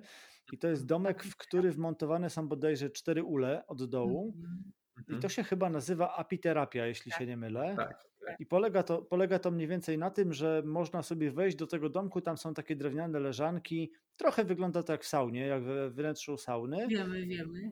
Wiecie, nie? I oddycha tak, się powietrzem, powietrzem z ula słychać brzęczenie, te owady są tam odizolowane od, od tego wnętrza, w którym Siatka. są ludzie, mhm. ale to też pokazuje, że, że jakiś znak czasów, nie? że coś tutaj naprawdę drgnęło i że ludzie, że jest zapotrzebowanie, że ludzie wiedzą, że coś takiego funkcjonuje, albo, albo się dowiadują jedni przez drugich, gdzieś ta wieść się niesie i nagle chcą spróbować, chcą zobaczyć, jak to jest. Nie? Że tutaj taki jeszcze dochodzi, z jednej strony mamy edukację, a, a potem coś z tego idzie, że może z tego skorzystamy, a to się przełoży na to, że gdzieś zwrócimy uwagę, opowiemy komuś o tym i za chwilę już ktoś gdzieś dalej wie coś i z trochę innego punktu widzenia zaczyna na to wszystko patrzeć. Nie? Druga rzecz, nie ukrywajmy, że to wpływa na zdrowie. My co prawda nie mamy domku do apiterapii, ale taką apiterapię przychodzimy za każdym razem, kiedy wirujemy miód i wchodząc do pracowni, ten właśnie zapach z tych uli i to wszystko jest e, no, namacalne. Można um, takie wirujące się ramki, no, jest to trudne nawet do opisania, ale ten aromat, prawda, jest no, tak, e, tak. no niesamowity. To ta właśnie taka inhalacja. Bo... Na koniec o samym miód y, chciałbym zapytać, bo też musnęliśmy na początku temat, że są miody prawdziwe, są miody podrabiane, są miody nieprawdziwe, są różne legendy, które funkcjonują. To powiedzcie, jak to jest z tym ciekłym i skrystalizowanym? Bo to jest chyba coś, o co tak jak mówicie, ludzie o to pytają, ludzie na to zwracają mhm. uwagę. Jaki jest ten miód świeży, a jaki jest ten już, który się krystalizuje? Albo o czym to świadczy? No nie wiem też, jak tutaj poprawnie zapytać, nie? To może tak. Miód jest substancją, która w po prostu znakomitej większości składa się z cukru. Z różnych rodzajów cukru. Jest to mieszanina cukrów, więc przy odpowiedniej niskiej zawartości wody im niższa zawartość wody, tym lepiej, czyli że miód jest bardziej dojrzały, ten miód po prostu krystalizuje.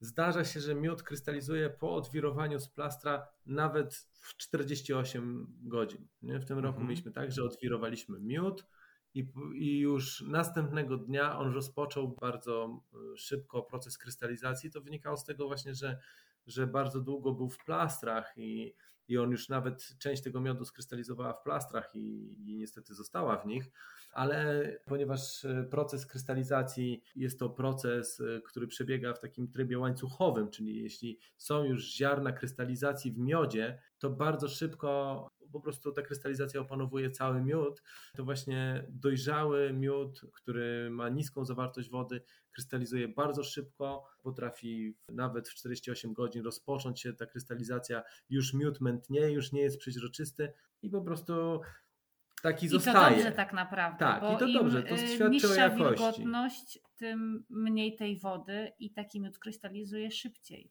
Więc nie, nie poszukujmy tych płynnych, płynących, bursztynowych miodów. No Znaczy, chyba, że mamy pewność, że mamy super świeży miód z pierwszej ręki. Nie? Jasne, o to oczywiście, to nawet z plastra. Nie, no to ten miód, ten miód płynny i my też, my też mamy w pasiece, tylko on jest bardzo krótko i żeby potem on jakby zaczął być znowu płynny, trzeba go niestety podgrzać. I już od, od podgrzewacza, czyli od osoby, która podgrzewa w tym przypadku, zależy, czy ten miód, ten proces przejdzie obronną ręką, czy nie. Czy, Bo mówimy czy tutaj o pewnej granicy temperatury, prawda? Tak, Przy mówimy, której, te- przy której, po przekroczeniu której miód jakby traci część swoich właściwości, albo w ogóle dużo swoich właściwości. Tak, bardzo dużo. Bardzo dużo, bo, bo te związki, które są w miodzie, takie właśnie najbardziej cenne, są, są, są białkowe. No jak każde białko przy temperaturze powyżej 42 stopni się ścina i, i po prostu ten miód przestaje być e, bioaktywny. Czyli staje się dalej, jest dalej cukrem. mieszaniną cukrów e, wysokiej Nadal jest jakości, słodki. jest Tak, słodki. tak, tak. Dalej tak. ma, Osło- Osłodzi e, kawę. Znaczy ma, ma dalej znikome ilości witamin i mikroelementów, które są też cenne, natomiast te, te wszystkie białkowe substancje po prostu ich nie ma. Albo jest ich dużo mniej, bo to w zależności czy miód został przegrzany mocno, czy w całej swojej objętości, czy nie. No, bardzo dużo różnych czynników. Ale Natomiast- słuchajcie, jest, jest jeszcze y, trzeci stan skupienia miodu, bo poza tym ciekłym i poza tym już skrystalizowanym, wy robicie jednak jeszcze jedną sztuczkę. To nie sztuczka. A tak, no, z mojego punktu widzenia to bardzo fajna sztuczka i uzyskujecie tak zwany miód kremowany, czyli miód, który ma cały czas taką samą konsystencję, to znaczy mówię cały czas, on u mnie nie ma szansy stać długo, bo ja go po prostu pożeram, ale on ma cały czas konsystencję, no nie przymierzając takiego smalcu do rozsmarowania. Kremu. no, takiego Kiedyś kremu, też mówiłam kremu. smak, to nauczyłam mówić kremu. Tak, krem lepiej brzmi, zdecydowanie Tak, dobrze, zdecydowanie. dobrze. To, to na czym ten proces polega? Dla wszystkich niezdrowych y, kremów czekoladowych, prawda? Czekoladopodobne. Czekoladopodobnych. Czekoladopodobnych. Na czym polega ta czynność? To jest ucieranie kryształów, właśnie kryształów miodu na tyle długo, żeby one były utarte na jak najdrobniejsze, przez co już jakby proces krystalizacji jest zakończony Mhm. e, i te kryształy zostają już drobne. One nie, nigdy nie, nie, nie mają już szans przez to, że krystalizacja jest zakończona, nie mają szans urosnąć większe, no i, i dzięki temu jest, jest, jest ten miód luźniejszy. No dodatkowo wtłacza się trochę powietrza, te bąbelki powodują, że właśnie że jest w tej konsystencji krem. Ale on nie traci na tym procesie. Nie, jest Nie, to proces nie. na zimno. Nie, Nie, nie, nie, nie. nie Jasne, Jasne. Czyli tam ten, ten czynnik jest- temperatury się nie pojawia i, nic się złego nie ważne. dzieje. bardzo ważne, żeby właśnie ten proces nie był dopalany jakimiś, bo wiadomo, że no, to jest właśnie problem przemysłowego pszczelarstwa. No, droga na pewnym- skróty, nie? To mówiliśmy o tym, tak. Tak, tak. No, to, to, to jest, jest pewien, e, pewien taki mm, margines, w którym pszczelarz właśnie w tym momencie, kiedy nagromadzają się i prace pasieczne, i prace w pracowni pszczelarskiej, musi coś odłożyć. I jeśli odkłada, jeśli musi coś odłożyć, no to niestety to ma wpływ na jakość. Jeśli daje radę spiąć wszystko w, w, ty, w tym po prostu w, Krótkim tym, w tym, czasie. tym krótkim czasie, no to wtedy jakość dalej zostaje ok. No i to krystalizacja, kontrola krystalizacji miodu i to kremowanie też musi być uchwycone, bo to właśnie my byśmy chcieli jechać do pasieki, a okazuje się, że dzisiaj miód zaczyna krystalizować, to my musimy zostać w pracowni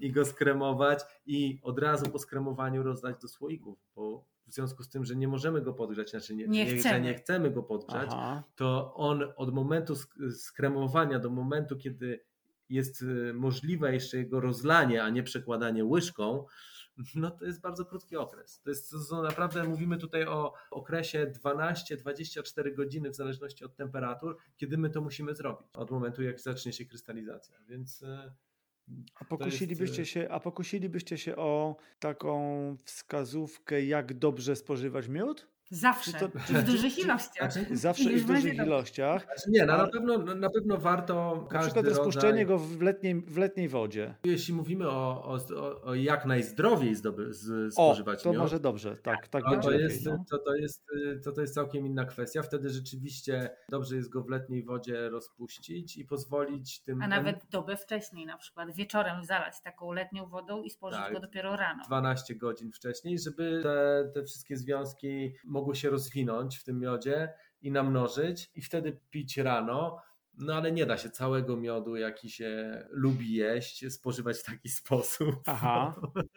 Więc ja zawsze, zawsze na takie pytanie odpowiadam, że powinno się po prostu cały cukier, który mamy w diecie, oprócz oczywiście cukru z owoców i warzyw, to cały cukier taki sztuczny, chemiczny zamienić na miód i to jest najłatwiejsza metoda, gdzie po prostu to ma wtedy duży, duży wpływ na, na nasze życie, na nasze zdrowie, bo jeśli i na jakość potraw. Na, na jakość, na jakość potraw, na smak, bo nie dodajemy tylko słodyczy, ale też cały różny zespół. Tak, aromat, bukiety, nie? Dokładnie, miody są bardzo różne. Można to wykorzystać właśnie kulinarnie z powodzeniem. Na pewno zastąpienie całego spożywanego cukru miodem, takiego sztucznego cukru, mówię, białego cukru miodem mhm. jest świetnym pomysłem i da się to robić i my to robimy i jesteśmy dobrym przykładem tego, że, że to działa. Ale my też jemy miód y, jakby nie dbając o to, żeby był tylko samym w sobie zdrowiem.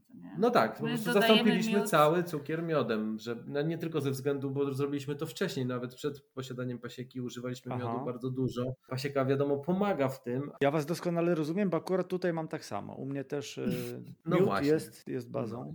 No. Wtedy jakby ta ilość tych związków, które przyjmujemy ma wpływ na nasze zdrowie bo samo, sama łyżeczka miodu dziennie mm, rozpuszczona w wodzie to jest świetny sposób. On bardzo wspomaga y, przy jakichś tam właśnie stanach chorobowych, szczególnie jeśli jest to miód z propolisem, to już, to, to wtedy to już, jest, to już jest regularne lekarstwo, które było stosowane. A wy taki udostępniacie, nie? Tak, tak. No to też robimy miód z propolisem, ale wtedy to jest y, autentycznie pomaga w leczeniu to nie jest żadna tajemnica, my tu nie robimy żadnej szarlatanerii, nie uprawiamy, że propolis i miód to są związki, które bardzo pomagają przy leczeniu w zasadzie większości takich chorób górnych dróg oddechowych. A pyłek pszczeli, bo słyszałem z kilku źródeł, że pyłek pszczeli jest być może odrobinę przereklamowany, że to może nie jest ten naj, naj, najlepszy produkt? Trudno przyswajalny, to jest tak. E, problem, bo on sam w sobie jest wspaniały, natomiast e, przyswojenie go przez organizm jest e, tak. utrudnione. Sam pyłek w ziarnach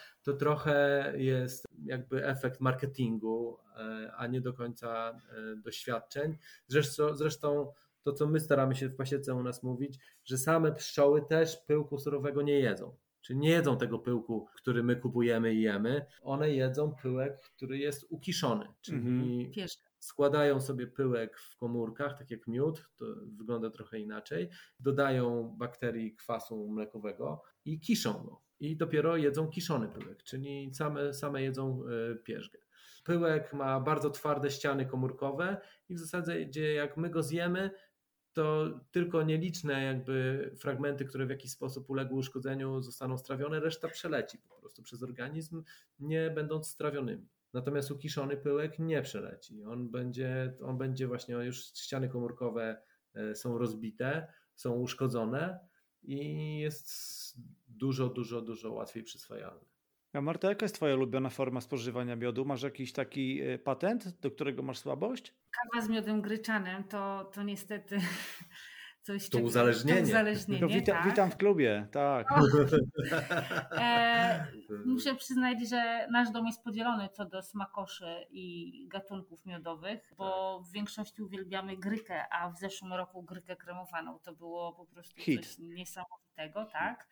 E, natomiast mamy Julkę, która nie znosi wręcz gryki, nawet otwarty słoik mówi, że to jest coś strasznego ten zapach. Ale w tym Córka roku, nasza. tak, ale w tym roku niestety gryka została po, pobita przez tak zwane miody tłoczone, które udało nam się e, zrobić w tym roku po raz pierwszy i to jest po prostu... Hit. Hit numer jeden. Widziałem to dzisiaj na stronie i to jest nowość, prawda? Tego nie było Jest wcześniej. W tym roku udało nam się e, zdobyć maszynę, która tłoczy e, od sklepiny i dzięki temu mamy taki tak zwany miód tłoczony właśnie z pierzgą, z propolisem. e, Znaczy z niedo, niedodaną. nie to, że my to dodajemy. Nie, nie, po rozumiem, prostu rozumiem. Ona jest już no, zawarta tak, sama w całe sobie. dobro i dzięki temu mamy nadzieję i wedle informacji, które zdobyliśmy, y, taka forma jest zdecydowanie bardziej przyswajalna niż spożywanie tego oddzielnie. Więc miody tłoczone w tym roku są u nas w kuchni y, obecne Rządzą. cały czas. Rządzą. Tak, rządzą. Ekstra. Dwa ostatnie pytania. Pierwsze jest takie. Przychodzę do Was ja albo ktoś taki jak ja, kto ma kawałek ogrodu, może w lesie, może gdzieś na granicy lasu i łąki, trochę rodzimych gatunków, trochę tych, mówimy, Miododajnych miodo- miododajnych, tak. Mhm. I przychodzę do Was i mówię, słuchajcie, no bo mi to chodzi po głowie już od paru lat, może ja bym trochę wystartował tak na własne potrzeby, nie wiem, dwa, trzy ule. Nie, jasne. Trzy, trzy wskazówki. Leczyć pszczoły, dbać o nie i nie przeszkadzać im w pracy. Trzy, proszę. Dziękuję bardzo. Marta, jeszcze dwie- od Ciebie. Dwie ode mnie. Warto byłoby sprawdzić, czy, czy, czy nadaje się do tego, w sensie, czy nie jest uczulony, tak, jako osoba. A druga rzecz, czy znajdzie czas w tym okresie takim e, stricte sezonowym, czyli tam od maja do, do lipca, bo to jest okres troszeczkę wakacyjny, troszeczkę urlopowy. Asekuracyjnie. Bardzo je, po twojemu. Tak, tak, tak, tak, Asekuracyjnie. tak, tak, widzę, że tak. Z przyczajki trochę. Ale słuchajcie, czy wy jakby mie- mierzycie, liczycie pszczoły rodzinami, prawda? Czy, czy to, Tak. ro, ale rodzina to jest ul?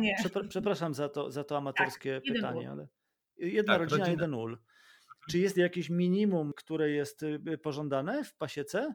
Nie, nie. Można nie mieć ma. jeden ul, Jasne. Można, można, ale tak. ale bezpiecznie jak- jest mieć Nie, mówię, że, że ja, mi zawsze się tak wydaje, że do pięciu rodzin to jest y, ta sama robota w zasadzie. To, to i tak trzeba się ubrać w strój pszczelarski. To chodzi o to, żeby, żeby ubieranie się i przygotowywanie do wyjścia do pasieki nie zajmowało więcej czasu niż praca w pasiece. niż robota przy... No rozumiem, okej, okej. No Jak tak, się idzie tak, do tak, jednego tak, tak, ula, tak. no to y, na przykład zajrzeć, czy matka czerwi, czyli praca na około 17 sekund, nie? Dla już wprawnego oka, no to jest to rzeczywiście y, wtedy ubieranie się. A jeszcze jak musisz dojechać do pasieki albo do A, tego o, jednego to już ula, w ogóle. dokładnie, tak, tak, tak. Więc pięć, wtedy ma się miód dla siebie, I jakiś to, dla jest, i, rodziny. I to jest wtedy taka typowa rzemieślnicza robota, która nie wymaga ani tam jakichś zastosowania jakichś y, półprzemysłowych czy przemysłowych rozwiązań, y, kombinowania. No i to i dobrze mieć tego, tego konsultanta, mentora jakiegoś, nawet, Znaczy- nawet zdalnie, ale kogoś, do kogo możemy pójść. tak? Tak, albo jakąś wiedzę, jakąś wiedzę, no bo naprawdę bardzo Czytać, ciężko jest czytać. zauważyć, że pszczoły są chore. Bardzo ciężko. Mm. Czy To, jeśli jest się niedoświadczonym pszczelarzem, to się, to, się, to się to zauważy dopiero jak pszczoły już będzie, jak już będzie za późno. Więc warto mieć jakąś bazową, podstawową, startową wiedzę, bo mamy do czynienia z żywymi istotami. To jest super ważne. To trzeba właśnie, to trzeba powtarzać, bo mamy bardzo taki niechlujny stosunek do owadów. Każdy z nas zabija komary, wiadomo, ale przenosi się to też na pszczoły, no a to są zwierzęta, mimo wszystko. To trzeba powtarzać. Dobra, to to już wiemy. Aha, i jeszcze jedna rzecz, bo widzisz, nie, zapomnieliśmy powiedzieć o jednej bardzo ważnej rzeczy, jak pomagać pszczołom. Jeśli chcemy bardzo pomagać pszczołom, pomagajmy pszczelarzom, bo przecież Aha, to oni utrzymują pszczoły. Jeśli będziemy kupowali dużo miodu, to pszczelarz będzie zakładał następne rodziny, będzie Dobra. rozwijał pasiekę i będzie więcej pszczół na świecie. słuchajcie, a słuchajcie, a powiecie, może wiecie, może gdzieś słyszeliście od kogoś, gdzie można kupić dobry miód, taki z pierwszej ręki? Kurczę, no nie mam pojęcia, no widzisz, no nic mi nie przychodzi do głowy. No, Słuchajcie, nie, pasiece no, można zró- zróbmy, tą, zróbmy taką chwilę marketingu. Powiedzcie, gdzie was szukać? Gdzie szukać tego cudownego miodu? Nas można szukać na Warmii, albo bezpośrednio, albo w internecie. Nazywamy się Siedlisko Pasieka. Jesteśmy dość łatwo znajdowani w internecie. Siedlisko Pasieka, nie Pasieka. Siedlisko. Ja na, stronę, ja na stronę tego odcinka na moim blogu, tam gdzie on będzie sobie zawieszony, wrzucę oczywiście linki do, do waszych mediów, ale, ale też powiedzcie słuchaczom, jak to, jak to wygląda. Gdzie można was podglądać, obserwować, no i gdzie można kupić miód. No, miód można kupić właśnie albo przez stronę, mamy sklep, można też, naj, najprzyjemniejszy sposób kupowania jest oczywiście osobiście tutaj na miejscu. To jest na Warmii w Studziance, miejscowości Studzianka. Można też e, zadzwonić, zadzwonić i, i po prostu powiedzieć. Zapytać, dopytać, tak, tak skonsultować. Wtedy, Dokładnie, my wysyłamy miód na całą Polskę, więc to nie jest. To nie Macie jest... to po y, prostu już obcykane, wiecie jak to robić, y, jak, tak. jak że tak powiem, korzystać z usług kurierskich. Kurier Zresztą... albo do paczkomatu nawet. No pewnie. To, to w, no pewnie. w dzisiejszych czasach to jest, to jest naprawdę bardzo proste. No, ale też, ale też warto szukać u swojego lokalnego pszczelarza, jeśli się ma osobę zaufaną, bo to jest bardzo ważne. To trzymajcie się. E, tak, to trzeba się trzymać takiego pszczelarza, który jest zaufany, lokalnie wspierać. produkuje miód, jego tak. wspierać, bo to są wasze pszczoły lokalne, więc na pewno też warto. warto... To są nasze pszczoły, nasze ogrody, nasze łąki, tak. nasze drzewa, prawda? To w tym sensie. Więc my nie jesteśmy jest... samolubni, żeby wszystkich klientów do nas zapraszać. Oczywiście zapraszamy wszystkich, e, którzy będą mieli ochotę spróbować naszych miodów. To na waszej stronie, na, na tak, zakładce. Tak, i widzę, że na zakładce y, właśnie tam, gdzie można kupić miód, są już miody z tego rocznika. Tak. E, są kremowane, jest miód y, z propolisem, no i są te, te tłoczone, tak, magiczne nowości. Tak, ale na e, koniec audycji podeślę Ci również link, bo dzisiaj w nocy postanowiłam zorganizować stronę stricte do miodów, żeby właśnie miłośnikom miodów było łatwiej. Jakby już nie każdemu chce się napisać maila albo zadzwonić, więc wystarczy, że tylko kliknie. Więc jeśli ktoś będzie zainteresowany, to pod audycją na Dobra, dobra. A wiecie co, bo je, je, jeszcze jedna rzecz, jeśli pozwolicie, bo może, nie wiem, jakoś tak długo już myślałem o tym kiedyś. Czy to, że miody są takie etykietkowane, to znaczy, że miód, y, nie wiem, mniszkowy to będzie bardziej na układ trawienny i na coś tam jeszcze, że gryczany to będzie na to, a spadziowy to będzie na drogi oddechowe albo na coś tam innego czy jest w tym naprawdę dużo prawdy i my to wiemy i umiemy i uczyliśmy się tego od naszych przodków, albo jest to jakoś zbadane, czy to jest w jakimś stopniu jednak też marketing? Ja osobiście mam z tym problem. Często właśnie ludzie, wracając do tego pytania z początku audycji, o co pytają, to właśnie pytają też, a na to to który? I nie, nie chcę jakby mm, powtarzać tych, nie wiem, czy stereotypów, czy nie, ale właśnie, że ten jest na to, a ten na to i często mówię, że bo ktoś może uwierzyć, że to mu tak, na to tak, pomoże. Że tylko a to ten jedyny pomoże Aha. E, na dane schorzenie. Bo, bo ja widzę, że te opisy, które wy macie na stronie, są takie bardzo ostrożne. To znaczy, tam jest ładnie napisane, że, że może pomagać czy stosowany w układach, chorobach układu krążenia, ale to nie jest takie, takie, takie sztywno przyklejone. Nie, jakby staramy się nie, nie mówić, jakby nie, trochę bo to, nie to jest, też nie wierzymy. Znaczy nie, bo to że... nie jest lekarstwo. Tak. Miód jest świetnym pokarmem, który na pewno w pozytywny sposób wpływa na nasze zdrowie. No, tak. Spożywanie jego regularne jest bardzo, bardzo dobre. Natomiast to nie jest lekarstwo. On nas nie uleczy z żadnej, żadnej chorób tam układu krążenia, czy trawiennego, czy ten. Wspomaga, na Bardzo pewno nam wspomaga. pomoże, dokładnie. Propolis już, propolis mhm. już leczy, bo to już jest stosowane w preparatach leczniczych normalnie w lekach, więc Aha. propolis tak.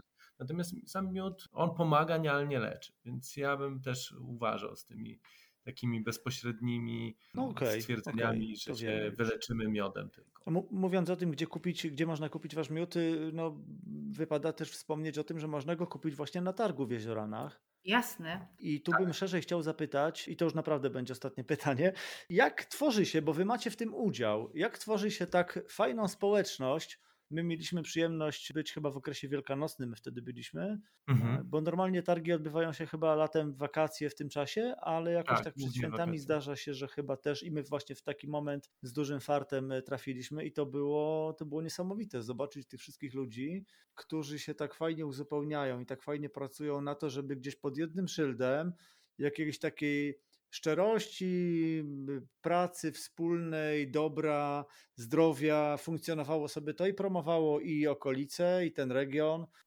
Jak się to robi, że powstaje dzisiaj tak fajna wspólnota? To jeszcze zasługa Rewity w armii. W ogóle e, ludzi, tak. to jest zasługa ludzi, ludzi, którzy aktywnie działają. Agroturystyk różnego rodzaju, tak. sam znasz nie jedną. I była i Rewita Warmia, i Wita Warmia, i teatr niezwyczajny, różne, różne inicjatywy, które właśnie aktywni ludzie tutaj z regionu uruchamiają. No i jednoczą wokół tych inicjatyw, e, jednoczą grupy ludzi. Czy te, te grupy się przenikają mniej lub bardziej i tworzą właśnie taką żywą społeczność, która razem dla ludzi, tak jak wy przyjechaliście z zewnątrz, tworzy taką barwną mozaikę. Ale Myślę, często to jest y, faktycznie praca tych ludzi. Tak, tak. To tak nie, nie jest jakby to, to, udawane. To jest praca, ale praca, która nawet się fajnie splata, bo akurat na targu to widać najlepiej, bo jest, trafiam w jedno miejsce i mam, są wypieki, są chleby, są ciasta, są miody, są y, jakieś wędliny czy inne rzeczy. Kiszonki, o pamiętam, no przecież to tak, było tak, niesamowite. Tak, Także... no tych inicjatyw, tych, te inicjatywy są czasami bardziej e, aktywne, czasami mniej, ale tak, ale to właśnie to, to jest fajne, że można w jednym miejscu spotkać te wszystkie mm, rzeczy. Nie jest to tylko targ taki zakupowy. Tam naprawdę, e, jeśli można ktoś pogadać. ma czasu, tak, to jeśli chciałby się czegoś dowiedzieć o konkretnym produkcie, to wydaje mi się, że w 100% e, każdy z tych rzemieślników czy, czy z tych producentów jest w stanie Opowie. podzielić się wiedzą, mhm. tak, informacją i to jest chyba najwspanialsze. A i kawkę można wypić. Oczywiście. Można tam kawkę wypić, dokładnie. Dobrze chyba już wszystko od Was y, koniec. wyciągnąłem. Tak, koniec, koniec, koniec. na dzisiaj. Koniec na dzisiaj. Wyciągnąłem od Was dużo, y, trochę zamieszczę na stronie, trochę podlinkujemy. Y, spróbuję też od Was wyciągnąć kilka fotografii, żeby Was pokazać i dać ludziom też jakiś obraz tego, w czym siedzicie, czym żyjecie i czym się to zajmuje. Myślę, że fajnie. Przybliżyliśmy trochę ten pszczeli i pszczelarski świat ludziom, którzy na co dzień mają z tym jakiejś wielkiej styczności albo stykają się właśnie przez pryzmat słoika, który sięgają spółki. No to to może, to może dzisiaj już też zastanowią się y, dwa razy, zanim sięgną, albo będą wiedzieli, y, co czytać i jaki mieć do tego mimo wszystko dystans, i że trzeba szukać lokalnie zaufanych źródeł, wspierać zarówno pszczoły, tak, jak i tych, którzy z tymi pszczołami pracują. Bardzo, bardzo Wam dziękuję. E, mam trochę wyrzutnienia, bo wykradłem Wam kawał e, dnia, ale idzie w świat, to jest wszystko gdzieś tam miękka edukacja, niech ludzie tak, wiedzą, to jest super ważne. Jak to, jak to działa. Bardzo, bardzo Wam dziękuję. Życzę Wam wszystkiego dobrego. Trzymajcie się, niech się trzymają Wasze pszczoły. Dzięki, do, przekażemy. Do usłyszenia. Zobaczenia. Pozdrawiamy. Na razie. Hej, hej. Dzięki. Wysłuchaliście rozmowy z Martą i Tomkiem, pszczelarzami z siedliska Pasieka na Warmii. Oczywiście będę linkował w notatkach do tego odcinka, znajdziecie wszelkie informacje na temat siedliska Pasieka i tego, gdzie ono jest, jakie usługi świadczy, co można w nim kupić, czy to osobiście, czy poprzez targ w Jezieranach, czy wysyłkowo. Mogę dodać w nawiązaniu do tego odcinka oczywiście rekomendacje i to niniejszym czynie. Mówiłem ostatnio o książce Szarak za miedzą, prywatne życie Pola. Przypomnę jeszcze tylko, że również w tej książce oczywiście poruszany jest aspekt e, owadów, ale też zapylaczy, które mogą urzędować na tych polach uprawianych e, tradycyjnie, gdzie jest miejsce na żywopłoty, gdzie jest miejsce na miedzę porastające chwastami. Więc to są rzeczy e, super istotne z punktu widzenia funkcjonowania owadów na wsi przy, przy rolnictwie. Natomiast dzisiaj chcę Wam zarekomendować e, fantastyczną książkę Dave'a Golsona. Tak, to ten sam autor, który napisał Łąkę i Żądła rządzą, moje przygody z trzmielami. Tym razem jest to Dżungla w ogrodzie, ogrodnictwo na ratunek planecie. Świeżutka książka z tego roku. Dave Golson oczywiście trzyma swój e, poziom, do którego nas przyzwyczaił w tych poprzednich książkach. Jest to fantastyczna opowieść o tym, jak możemy nasz kawałek ziemi w ogródku zamienić w mały rezerwat przyrody, niemalże mini park narodowy, więc są to historie nie do przecenienia. I faktycznie jest tak, że wystarczy kilka drobnych zmian, aby jakiś tam fragmencik ziemi stał się e, wręcz taką siecią malutkich rezerwatów przyrody. Pozwolę sobie przeczytać jeszcze kilka zdań z prologu Tematem tej książki jest życie, które toczy się tuż pod naszymi nosami, w naszych ogrodach, parkach, szczelinach płyt chodnikowych, w ziemi pod naszymi nogami. Gdziekolwiek się w tej chwili znajdujecie, prawdopodobnie są tam także dżdżownice, stonogi, pareczniki, muchy, rybiki, osy, żuki, myszy, ryjówki i wiele, wiele innych stworzeń, żyjących sobie w najlepsze dosłownie kilka kroków dalej. Nawet w malutkim ogródku mogą kryć się setki gatunków dzikich owadów, drobnych ssaków i roślin. Życie tych małych stworzonek jest tak samo fascynujące, jak życie wielkich podziwianych ssaków czy egzotycznych ptaków, które oglądamy w filmach przyrodniczych, ale znacznie mniej znane. Co więcej, ponieważ stworzonka te żyją raczej wokół nas niż w jakiejś dalekiej, parującej dżungli, możemy zaznajomić się z nimi bliżej i obserwować ich trudy i znoje od narodzin do zalotów, kopulacji i śmierci. Chris Pacman powiedział kiedyś, że woli spędzić 10 minut leżąc na brzuchu i obserwując skorka, niż przez godzinę oglądać w telewizji efektowny program o lwach z Serengeti. Ta książka powstała w hołdzie dla malutkich ogrodowych istot. Mam nadzieję, że podsunie Wam także kilka praktycznych pomysłów, jak zwiększyć ich różnorodność, przyciągnąć jeszcze większą liczbę tych niezwykłych gości do naszego życia. Można tego łatwo dokonać, uprawiając zdrowe, wolne od pestycydów, niskokaloryczne owoce i jeżyny. Ogrody i działki to niezwykle produktywne miejsca, gdzie ludzie i dzika przyroda trwają w harmonii. Ogrody dają nam przestrzeń, w której zapoznajemy się z naturą, odkrywamy na nowo, skąd się bierze jedzenie. A więc przyłączcie się do mojej ekspedycji w głąb dżungli, czyhającej na nas tuż za drzwiami.